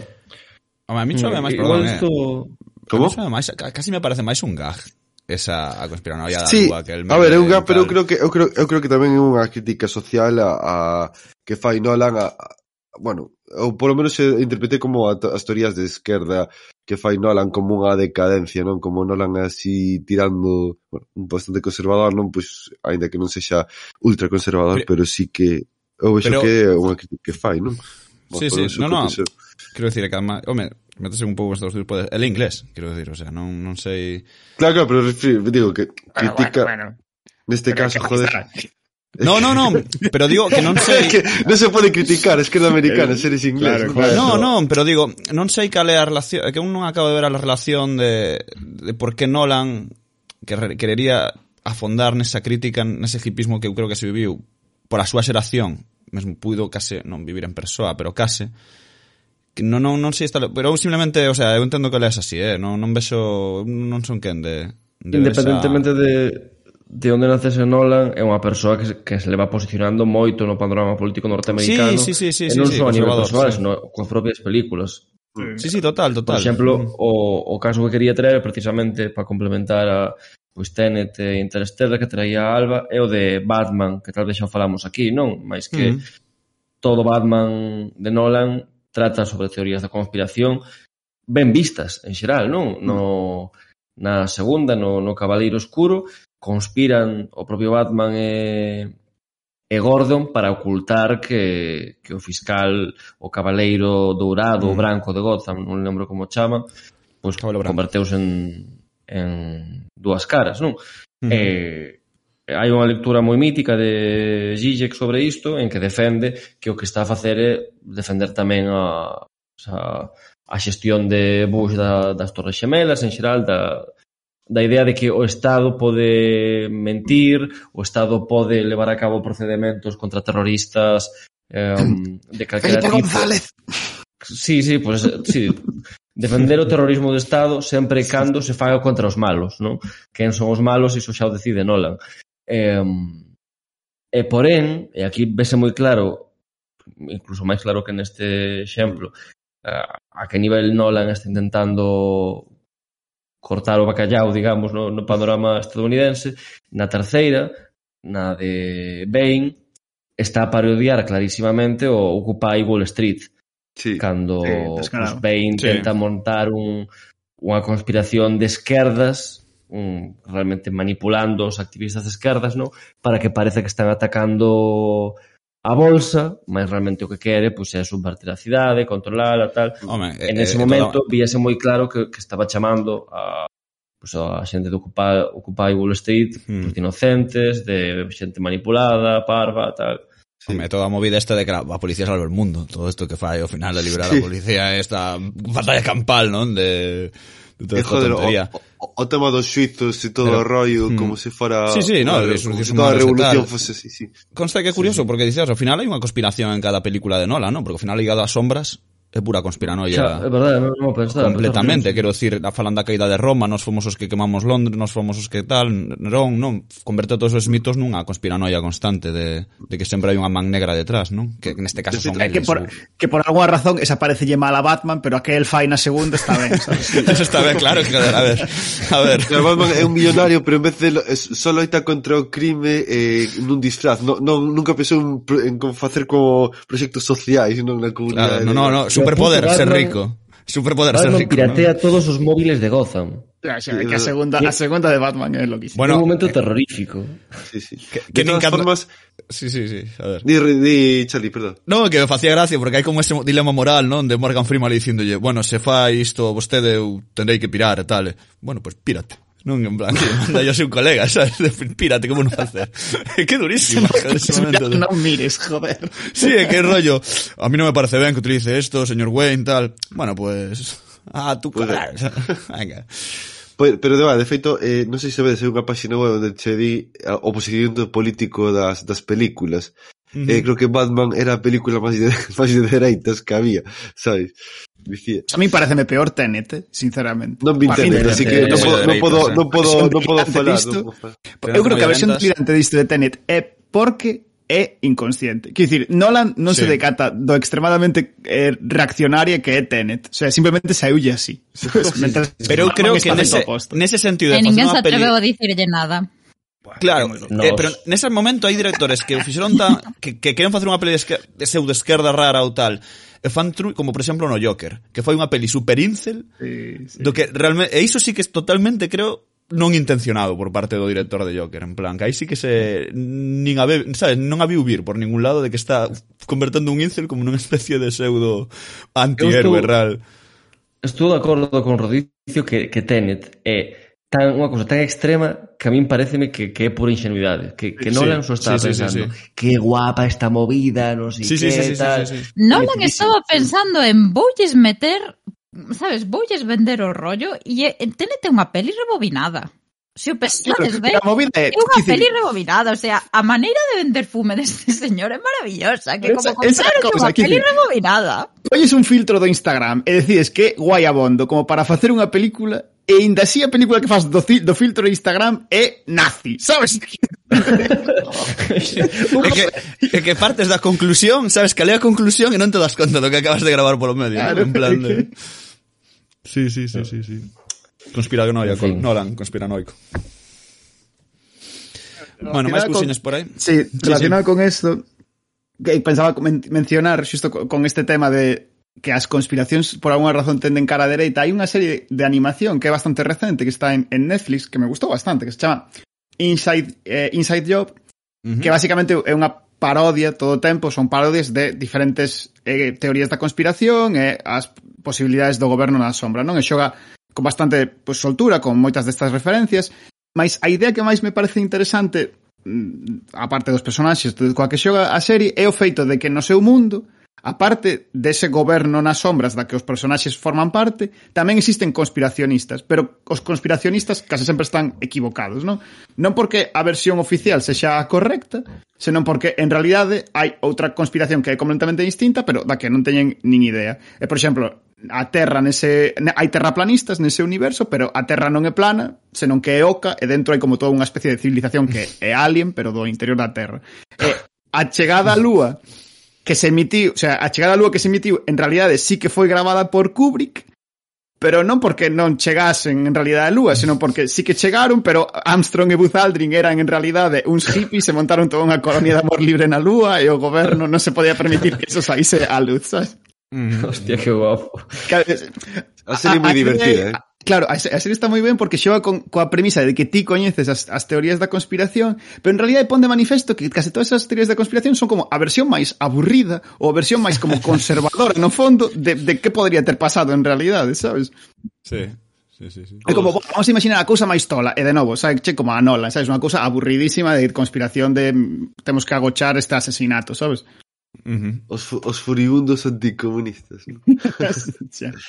que joder, falando diso eh, no, no sei se xogaches unha vez Call of Duty creo que era Modern Warfare 2 pode ser que hai unha misión en concreto que bueno todo o que é o componente do, do videoxogo e moitísimas misións comezan pois con, co tema de invasión de Rusia de Estados Unidos creo que era unha guerra entre Rusia e Estados Unidos eh, todo isto xorde primeiro por un atentado que se produce nun, nun aeroporto ruso é, é como unha conspiración que fai un grupo terrorista que son rusos precisamente que saben que teñen un americano infiltrado no que no, no grupo eles fan un atentado terrorista nun aeroporto unha misión que por certo foi moi polémica a nivel mundial porque sí, sí. podías matar a civiles todo o rollo e resulta que o que morre pois é o americano eles sabíano, eu ti emprego americano pois para causar unha guerra de Rusia contra Estados Unidos, non? Entón, o feito de que o xogo xire en parte nesa conspiración me parece bastante interesante, non? Eh, dime, dime. Non, son máis, ia comentar que a min pásame con ese Call of Duty, non? Que, como ti dis, foi moi polémico e tal. Eu un dos poucos que xoguei a campaña inteira. E teño que dicir que non me enterei de nada da historia. Que é tan complicada, tan enrevesada, ao mesmo tempo, tan ínfima, que é como... Sí, sí. Se queres convencerme de algo políticamente, o sea, pode ser un videoxogo fascista, e ainda así non te censuraría, porque é tan malo que, que non me podes convencer, non me estás transmitindo ninguna mensaxe, sabes? Non me Todo estou se... enterando da propaganda. Non sabes que o Call of Duty é literalmente un xogo fascista, así que... Propaganda mal, non? Propaganda mal. De... Sí, totalmente. Sí, sí. totalmente. Non sei se quero ir ao Burger King agora. E eh, falando de propaganda e todo o rollo, eh, no Fallout, eh, joder, todo o que son os refugios que crea a empresa esta Vault Tech, non? Sí. Eh, sempre, sempre, sempre teñen por detrás un motivo oculto, non? Que se vendían como na publicidade, non? do videoxogo, pois como un, un refugio aí contra as bombas, tal, e realmente todos os refugios son como unha rede de experimentos da empresa, non? Algo, todos moi turbios, non? Ou super turbios. E logo está o tema do, do enclave, non? E o virus este de evolución forzada tamén para crear os mutantes. E se falamos tamén de conspiracións a nivel de ficción, home, Dune é un, un libro que basease tamén nunha conspiración, non? Como pode mm. ser o emperador e os Harkonnen contra a casa Atreides, non? E todo o rollo das Bene Gesserit por detrás tamén. Claro, que me parece máis interesante, non? O outro non dixe de ser un, unha loita de imperios así un pouco tipo que falábamos algunha vez, non? Romano, a traición de Julio Ceto, estas cousas. Sí, E as vermellas que parecen a man na sombra, non? Moito máis así sí, elevado, non? Moito máis místico o, o punto. Bueno, vou citar a un bello amigo deste podcast, a señora Lamour, non? Porque hai tempo de unha entrevista por aí, non? E sacaran esta eh, cita, unha mítica cita, non? Del, eh? dicía o máis importante que aprendín sobre a teoría da conspiración é que os teóricos da conspiración creen nela porque é máis reconfortante. A verdade é que o mundo é caótico, non é a conspiración da banda sudía, nin de alienígenas grises, nin, da, re, nin de reptiloides de 12 pés de altura. A verdade é máis aterradora, ninguén ten o control, o mundo carece de temón. Eh, a mí pareceme bastante bonita, non? O, o tema de muro de como ve, el, tamén é certo que pues, parte unha teoría sempre del anarquista, un home así un pouco tal, porque creo que, que falábamos antes, o estado da conspiranoia creo que está bastante relacionado, non? É, é evidente. El creo que por onde el leva o camiño, non? De Moore pareceme bastante humano pola súa parte. Pero sí que me parece esa idea de entender as conspiracións como un asunto moi reconfortante, non? Para, para a humanidade ou para o que creen nelas, non? Case religioso en boa parte case rozando a fe, non? Que poderíamos relacionarlo antes con esa fe cega, non? Na, no que ti queiras, na ciencia, no estado ou, ou no por onde queiras eh, perante unha realidade, non? Que realmente non somos quen de asumir, non? As, pues, as conspiracións funcionarían como unha serie de textos bíblicos, diferentes evangelios, que permiten pois, a moitas persoas pois, fuxir da, dos seus dramas diarios, non? Ou de saime mal isto porque realmente que fan que me salgan mal. Claro, estou fodido nesta sociedade porque este tipo de cousas estánme destruindo, non? Ou fuxindo ou negando parte da súa responsabilidade eh, nestes males pois que asolan o mundo, non? Non vou, por exemplo, non vou reciclar porque realmente todo o mundo está aí facendo un cristo ou X cousas de que realmente aquí ninguén ou cando boto un chisme na basura de plástico, logo ve un camión e xunta todo, que me contou un amigo meu, non?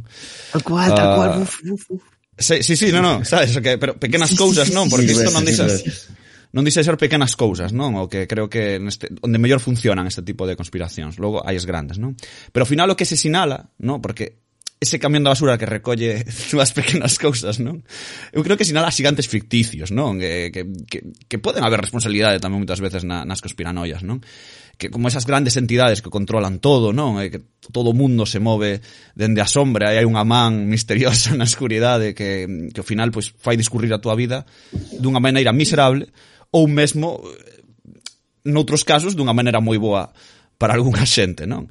E sempre me, me pareceu interesante, non? Esa relación entre entre fe, religión e casi conspiración, eh, conspiración porque hai moita xente que realmente as vive como se fose unha un, unha pura religión, o sea, non é outra cousa, sí. o sea, igual que poderíamos chegar a interpretar unha religión en sí como unha gran conspiración, non? Eh, sen ninguna sen ninguna proba, máis logo unha fe en algo que te contaron e que ti asumes como verdadeiro e tes que tirar para adiante con iso, sempre, por suposto, frente a algún temor, sexa a morte, sexa o inferno ou o medo a que che fajan algo, non, na, noutra vida.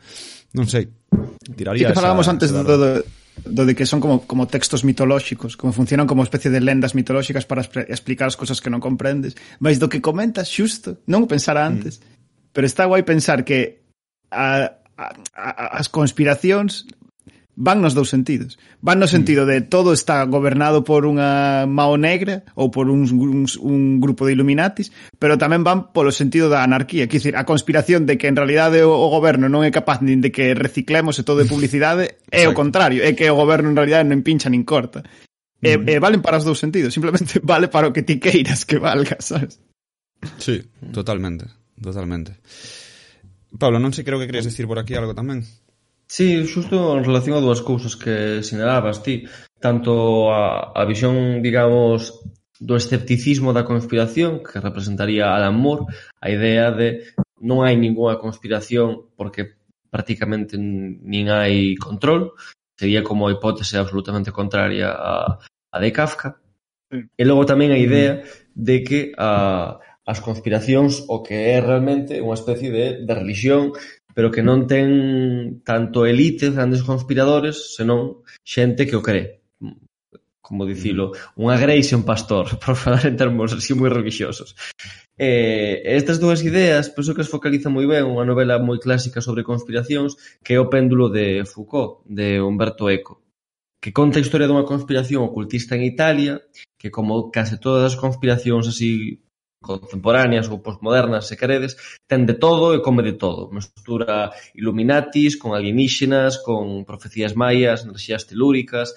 Eh, o brillante da novela é que conforme che vai contando estas tramas, pareceche que do que vai ir é como que de todo isto é verdade, non? Que che vai contar a, as relacións secretas da orixe da humanidade porque un alien tipo Prometeus baixou tal. E realmente non. A, a, a graza é quen leva a cabo esa conspiración son persoas que si teñen poder, son pues, economicamente están nas posicións de, de control do, do Estado e das grandes empresas, mas que realmente non son especialmente listos, son xente tan parva como calquera persoa que leva un gordo de papel al bal, non? Xente mm. que está constantemente eh, producindo lixo intelectual comendo regurgitando e crea unha papa que acaba sendo conf eh, confidente, non, bueno, moi atractiva e eficaz, uh -huh. porque realmente o que conta é moi guai, non? O sea, é un aspecto que ainda igual non falamos moito das teorías da conspiración, pero que son a puta hostia. O sea, xa, sí. gustanos consumilas como ficcións, porque realmente cada que che conta, pois iso que, non, non, que o da lúa é, é mentira, que foi Kubrick, dices, hostia, que guapo, sabes? E se fose verdade. Sí, sí, eh. sí, é verdade, claro. É que o, o, de, o de Kubrick a lúa a min sempre dixen, joder, ojalá, non? en plan, oxalá e pasase de verdade, dices que quero cre es nesta quero creer, non? En plan de, hostia, sí, Kubrick ali grabando un aterraxe. E ademais, sobre todo por, por, por moitas veces, evidentemente hai conspira, teorías conspiranoicas, non? ou conspiracións eh, moito máis cribles que outras, non? Ou se basean en tal, non? Hai eu acordo de que esta chegaron a vendela semi ben cando dicían que realmente non é que sí que se chegou, pero que realmente había como un plan B, por se non se chegaba, pois eso sí que estaba aí e eh, tal, non sei que, bla bla bla, non? Entón empezan a mesturar que o máis problemático, non, destes puntos, que é a verdade e a mentira, non? Eh, onde acaba un e onde empeza outro, eh, probablemente non, seguramente, creo, eh, o que falábamos antes, non? De historia convertida en conspiranoia e conspiranoia convertida en historia. Estou convencido que ao longo dos miles de anos de historia probablemente nos comemos algunha neste sentido.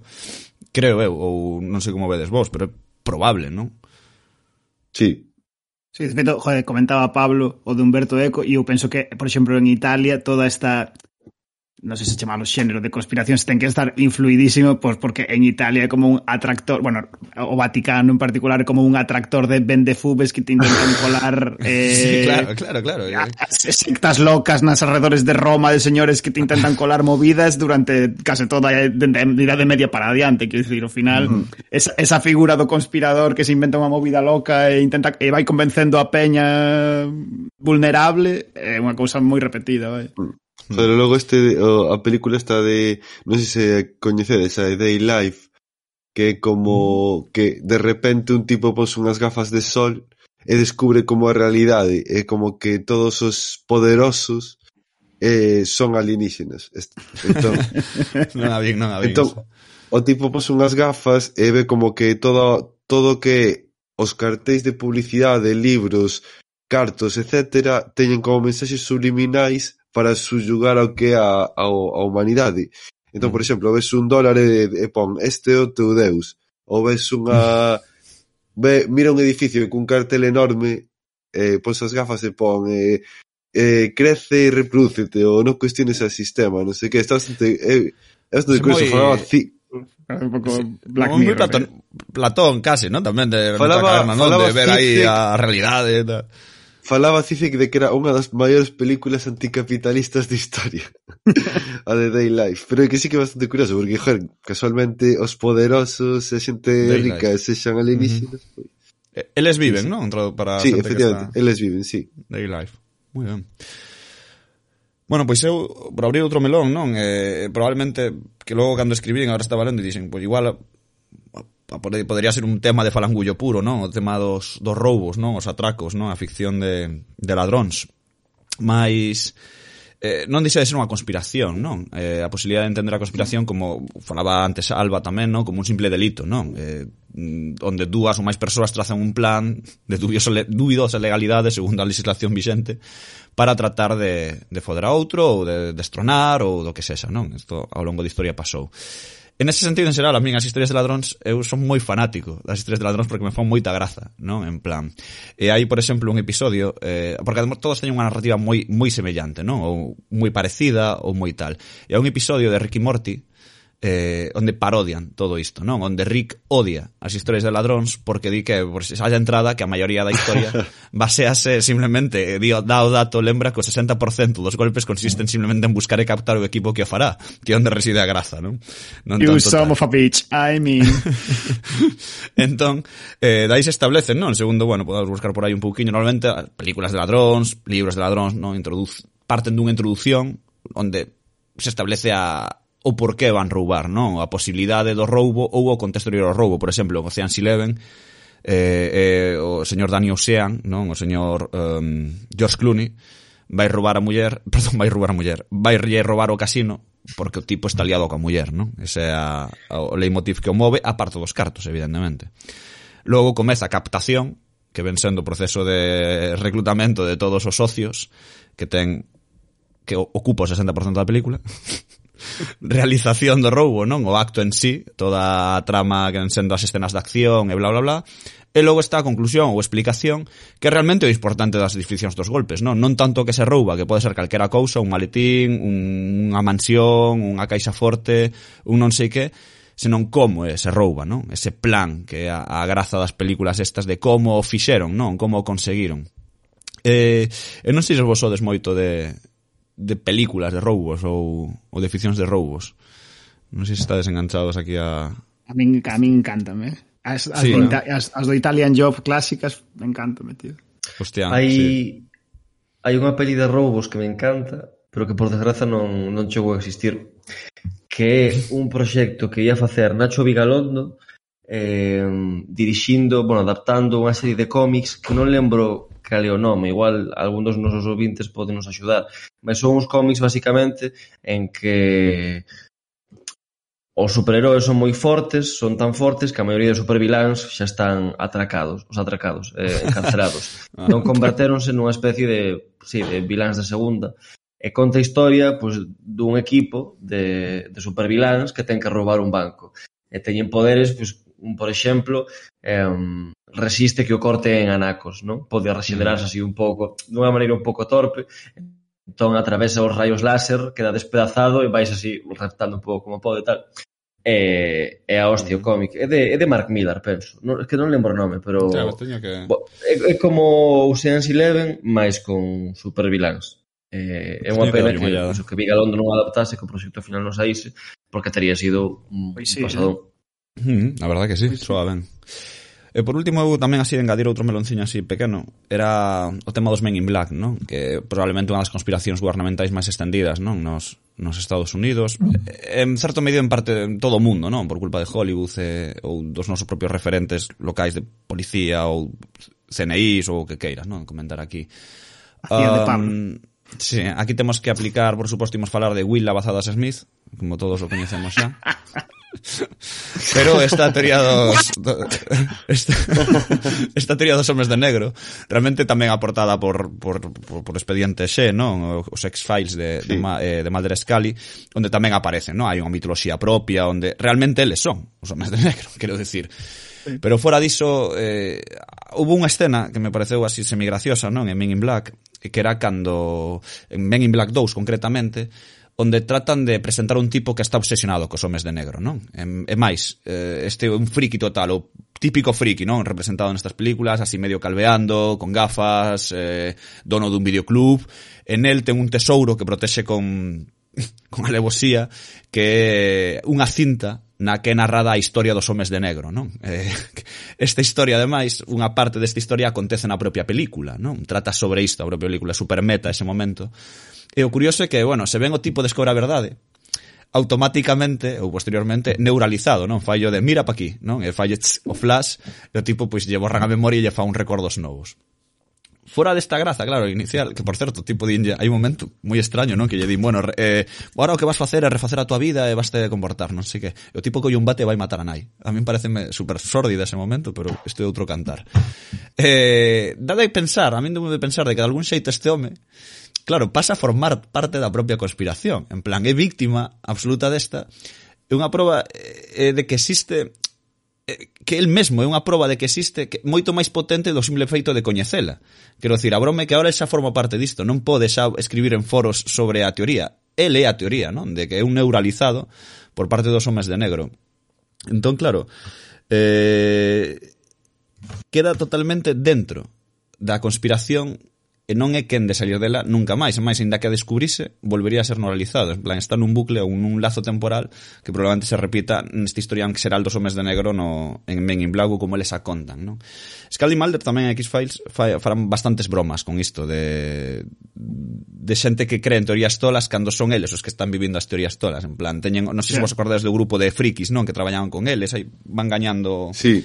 van gañando en protagonismo nas, nas últimas tempadas, pero é un pouco representar esa forma, non? Da xente que creía eles, sí, creemos, pero eh, hai teorías da conspiración, sí, pero a realidade é moito peor, non? Que o que mm. falábamos antes, non? De, de mm. Pablo tal. Realmente o final é que a realidade de X-Files, non? Todos estes, todos estes mitos que les perseguían, non? De, de todo, realmente a explicación, sempre atopaba unha explicación ou semicientífica na parte de por parte de Scully, ou simplemente non molaban tanto, realmente eran realmente problemas con asesinatos, problemas eh, co goberno, pro...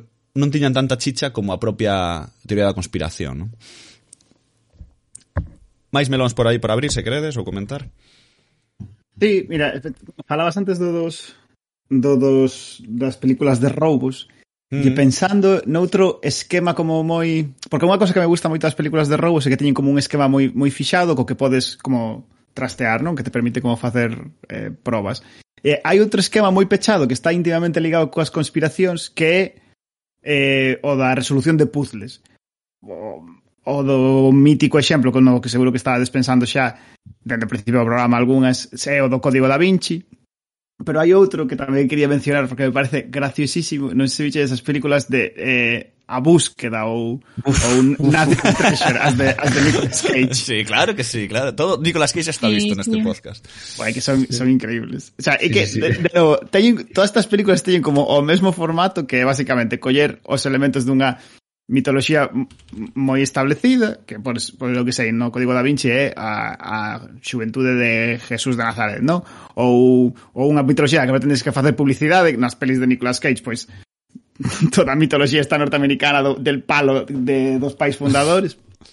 é cuestionar que detrás de toda esa mitoloxía, pois hai como un detalle en concreto que é, é oculto, e que toda hai unha conspiración durante séculos para que non se saiba xusto ese detalle, non? Pois quen foi o verdadeiro asesinito de Lincoln, ou, ou que hai un secreto xusto se miras por detrás da declaración de independencia.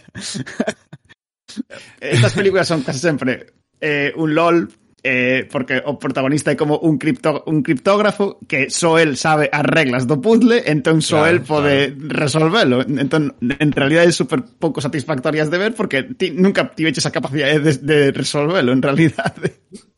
Eu vou romper, a mí en... que me parecen entretidas estas, eh, as de National sí, sí, sí. o sea... As de Nicolas Cage foi moi boas, tío. Na de eh, Nicolas perdón. Cage hai un momento que comeza a axustar uns óculos aí raros como para ver certo espectro que ridiculísimo. Eh. ridiculísimo ridículo, eh. ben, decir, eh, o, o da mesa, o da mesa do presidente, que hai unha mesa dun presidente tamén ali un momento moi moi tolo de decir, a ver, a ver, a ver, tranquilos. Conste que me acaba de acordar que Nicolas Cage tamén ten pelis que me prestan bastante.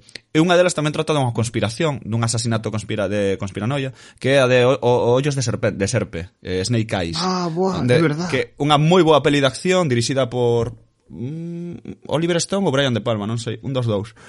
Eh, eh, está bastante guai, a verdade. En plan, é todo un combate de boxeo, e pasa un asasinato e tal, e das que me prestaron, eh, de, de Sí, sí, de, bastante eh, bolas. Pois pues, falando disto de películas de Nicolas Cage e conspiracións, coñecedes Mandy?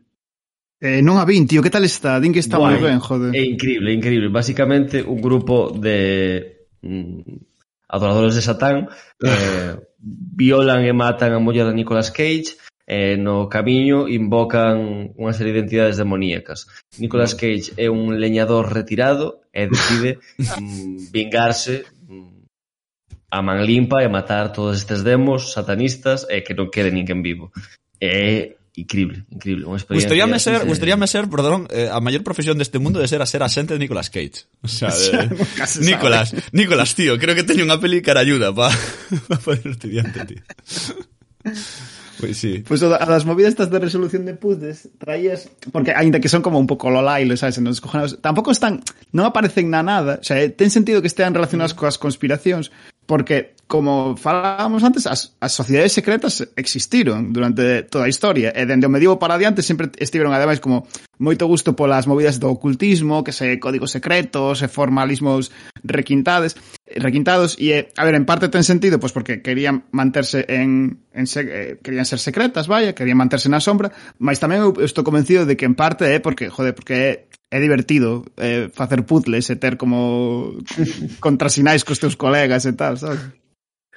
En plan, como que todas as conspiracións da historia son na realidade unha crise de medianidade moi mal levada, non? A escape room de xente de antes. É, o equivalente a ese in, in, idioma inventado que facías cos teus colegas no instituto, sabes? Unha cosa. Comprocho, comprocho. A, a versión paródica deste tamén é moi divertida. Non sei se coñecedes o episodio este de Futurama, que é como Brutal. unha parodia do Código da Vinci, onde hai como sí, unha especie de robot da Vinci feito de madeira. Que está sí, guapísimo. Sí, sí. Pero ese é o mesmo onde Da Vinci é o burro, da, o máis burro do planeta. Sí, sí, é ese, ese capítulo. Ese, non? O de... Sí, sí, sí. é unha mierda moi boísima, eh? De... Eh, está moi ben, tío, ese Buah, capítulo. Bestial. Ese capítulo está moi ben. Bestial. E eh, despois das, das sociedades secretas, como escoitar claro. os canteiros do Simpson, claro. Home. Eh. Mm. Que non so... Bueno, nos canteiros centranse susto nese capítulo nos canteiros, pero logo hai como outra sociedade que aparece habitualmente nos Simpsons, non? Que está o señor Barnes tamén, e eh, o conde... Oh, el conde Choc... Conde Como se habla? O Chocula, non? Algún tal que... eh... es que eh, va bien. O conde eh... Chocula, o, o texano do, do petróleo. Sí, o, te, o texano. Que o rollo que... Eh, bueno, que les, que a veces non, e ás veces, ás veces é unha irmandade secreta e ás veces simplemente é o Partido Republicano de Springfield, non? En plan de... e, eh, e ten, ten a súa, evidentemente, a súa, a súa movida, non? De, de tal, a verdad, moi ben traído. Moi ben, Pabliño, creo que tes aí unha derradeira derradeiro melón por abrir meramente grande. Hmm. Sí, de feito demasiado grande. Igual eu no, teño aquí unha chapa que flipades, pero vou, vou alixerala un pouco. Porque eu non quería deixar acabar o podcast sen falar dun igual subtipo é eh, virme moi arriba, pero unha forma posible de ficción conspiranoica que non ten moito impacto no mainstream e por iso un pouco difícil de identificar, mas que está, está guapa. A ver se me explico un pouco ben. Refírome ás conspiracións ás veces a nivel mundial incluso, pero que son executadas por, por xente supernormal, é dicir, non así por funcionarios escuros do goberno, nin grandes empresarios, nin seres sobrenaturais, non, pois xente normal que se xunta cos seus amigos e subverte a orde establecida. Eh, vou así numerar algúns textos nesta liña porque me parecen todos moi moi bons. Eh, dar así exemplos de destas conspiracións. O primeiro que se me ocorre, que non é máis antigo, pero o primeiro que me vou á cabeza é un pequeno contiño de A vida e instruccións de uso, a novela de Georges Perec, que conta a historia dunha sociedade que se chama Shiranami, que son tres homes, e son normais, eu que sei, pois, non sei, carniceiros, ponlle, que deciden xuntarse E, por pura progresión xeométrica, fan os cálculos, se cada un deles convence tres persoas da que convence outras tres persoas, din, hostia, pois pues, imos dominar o mundo, non? E iso fan. E deciden establecer nesta, nesta especie de conspiración puramente matemática, xeométrica, o requisito de estar, creo que son dous días, suspendido sobre o chan dunha habitación de hotel cuns dados moi afilados entre os dedos dos pés, que me parece como un rito de iniciación moi extraño, pero suxestivo a súa maneira. eh, nesta liña vai tamén o bar Orbis Tertius de Borges, que sí. igual nin, nin o detallo porque é bastante coñecido, mas, en fin, conta a historia de como unhas persoas imaginan pues, pois, un mundo alternativo ao noso van creando as súas enciclopedias, os dicionarios e acaban suplantando o noso. Son, de novo, non xente moi poderosa, senón literatos, intelectuais, tal. O, onde sí que me quero meter en unha novela galega potentísima, é bastante pouco lida, eu penso, mm. moi recoñecida no seu momento, mas hoxe en día é pouco lida, que é Grupo Abeliano de Xosé Cid Cabido. Que cando estaba así dándolle voltas a isto, estaba me custando moitísimo a escribir, intentar resumir de que vai. A ver se o consigo. Son sete persoas, sete homes en concreto, que reúnense para facer cousas. A cuestión é que por algún motivo todo o mundo lle estique sí. A tal punto é así que van, se non lembro mal, igual manipulo un pouco as anécdotas porque non teño moi boa memoria, pero se non lembro mal, van á Diputación provincial e dinlle aí o, o presidente da Diputación que abandone o posto e que, que yo deixe a eles que son moito mellores. E o tipo dilles que sí, claro. Bueno, pues, con esta mecánica acaban roubando un banco, disolvendo a policía do Concello, pero tamén fan cousas super normais, van poñer unha lavadora, eh, dan un paseo en bus, van a ver a non sei que aldea, non? É todo este unha especie de vagar durante tres días facendo o que lles apetece, sabendo que por algún motivo ninguén lles vai dicir que non, non? É como unha conspiración guapísima porque non hai sombras, é toda a luz do día. Simplemente a xente obedecelles. Eh, boa, é, é increíble, de verdade. Eh, hai tempo dixen neste podcast que a miña ficción preferida número 7 era Mega Man 2. E dixen que iría dando os números seguintes. Pois temos aquí o número 4. Eh, número 4. Grupo Abeliano. Hostia, cuidado, lista, lista.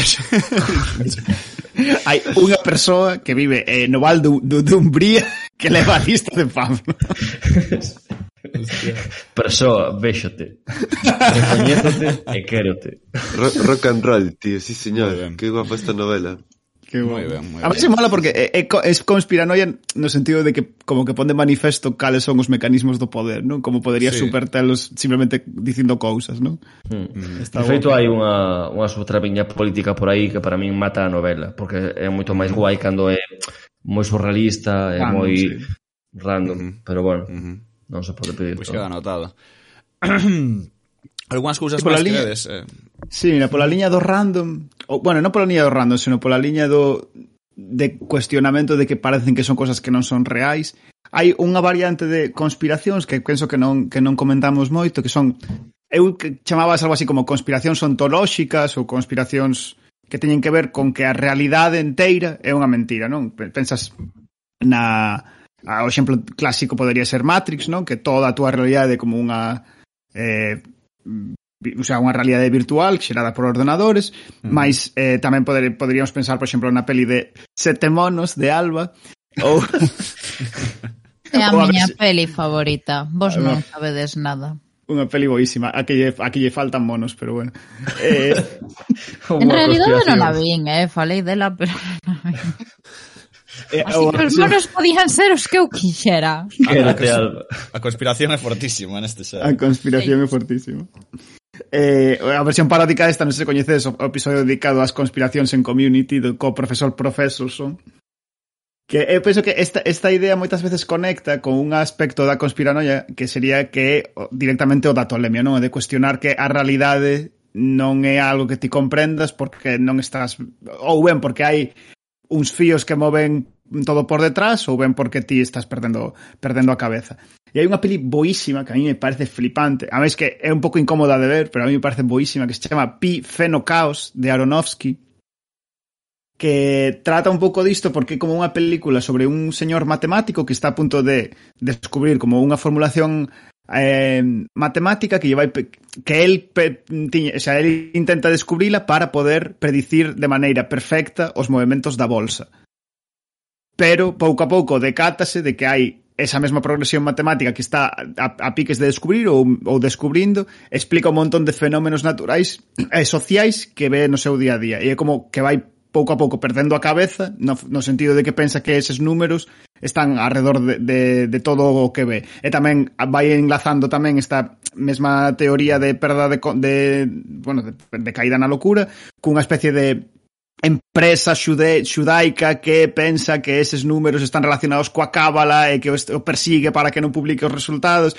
Quer dicir, é, é, é, é, todo o tempo durante a película non sabes se o que estás vendo son paranoias que, está, que están dando a él ou son cosas que están acontecendo de verdade e a película fomenta ademais o, esa, esa, esa ambigüidade a, para que ti non saibas se, se está tolo ou simplemente é un xenio matemático, non?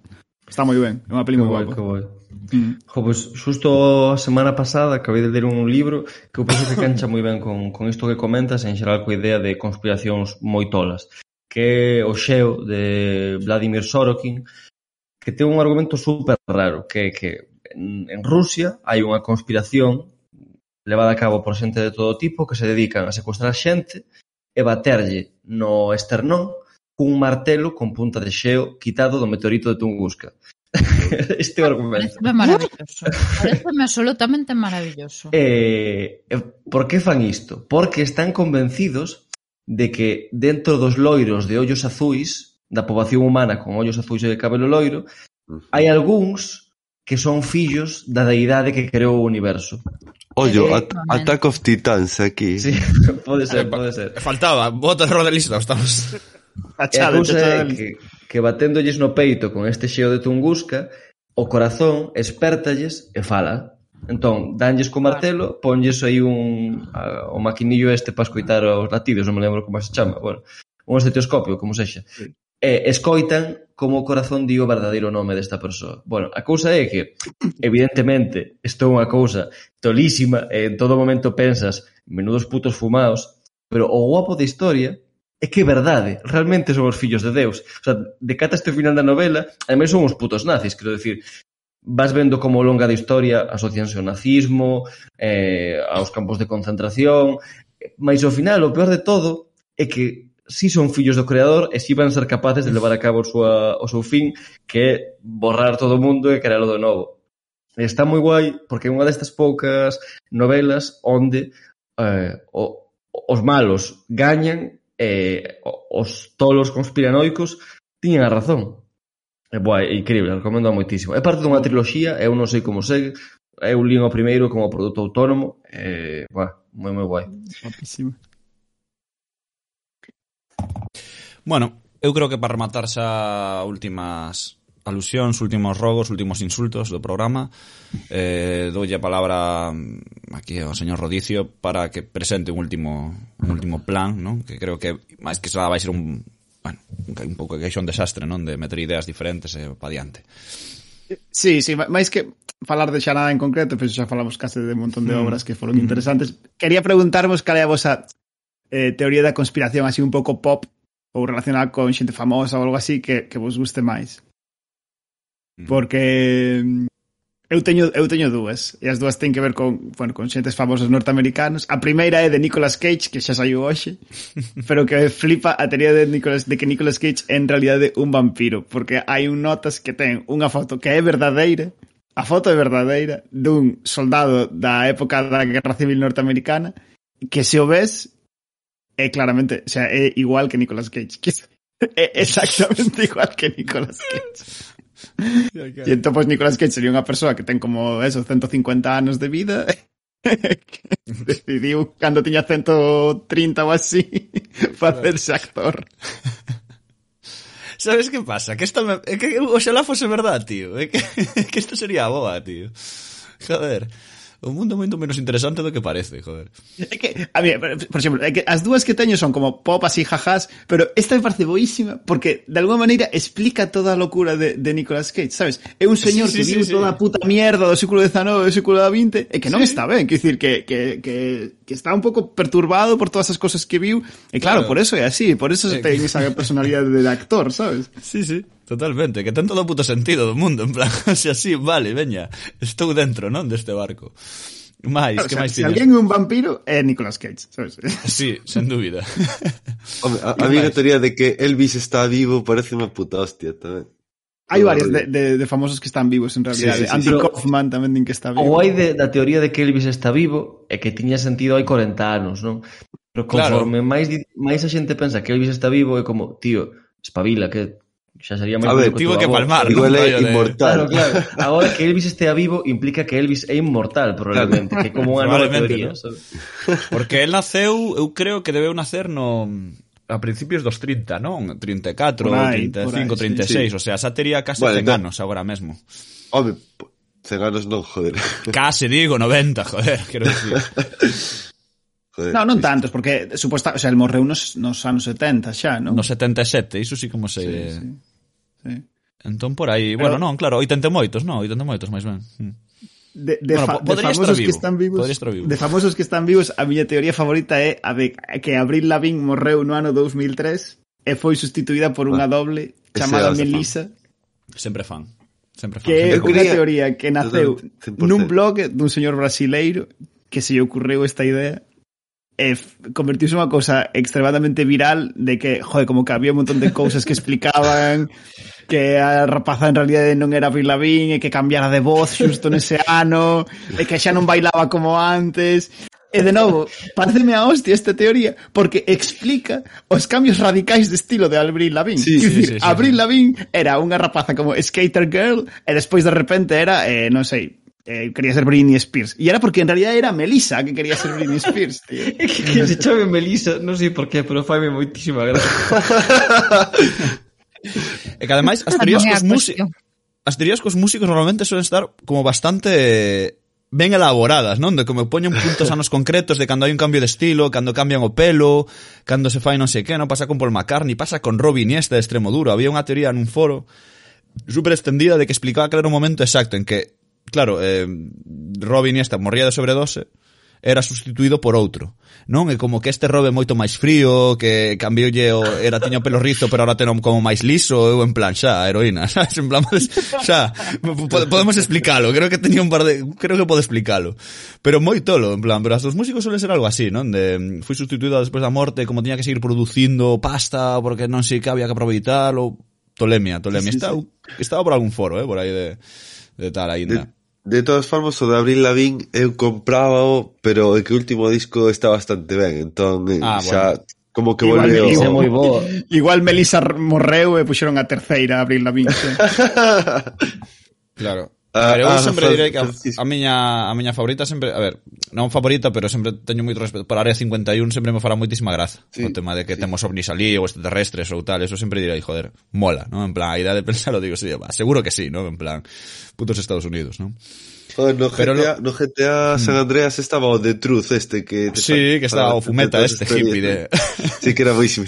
Joder, que, que era boísimo, sí, sí. Claro. A ver, eu teño un, no, na, na miña habitación teño un, un, o póster de Mulder de I Want to Believe, o sea, non podo non podo negar a miña a miña propia conspiración.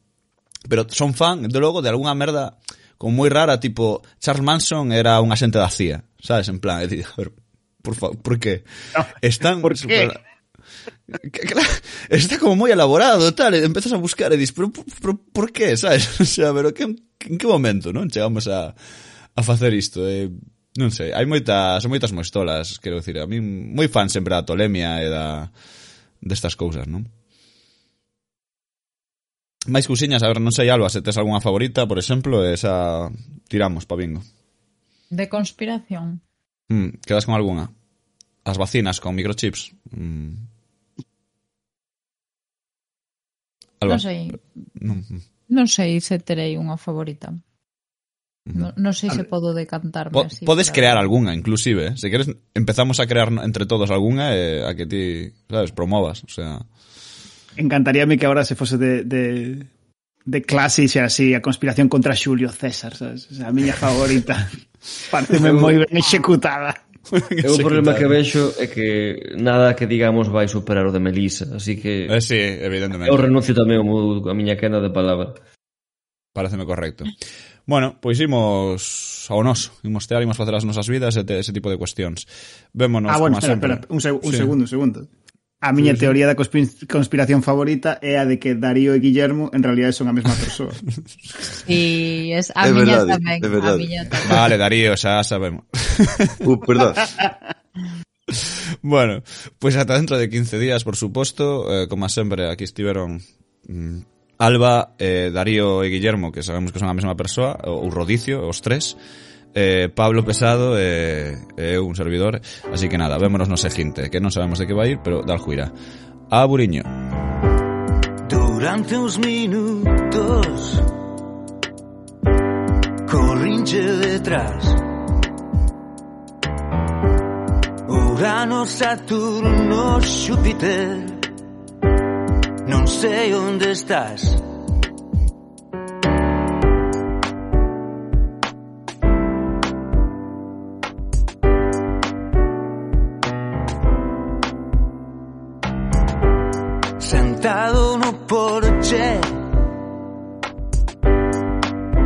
está en paz Eu son o último terrícola. Non fun quen de marchar. No meu telescopio. Made in Taiwan. Vexo parecer.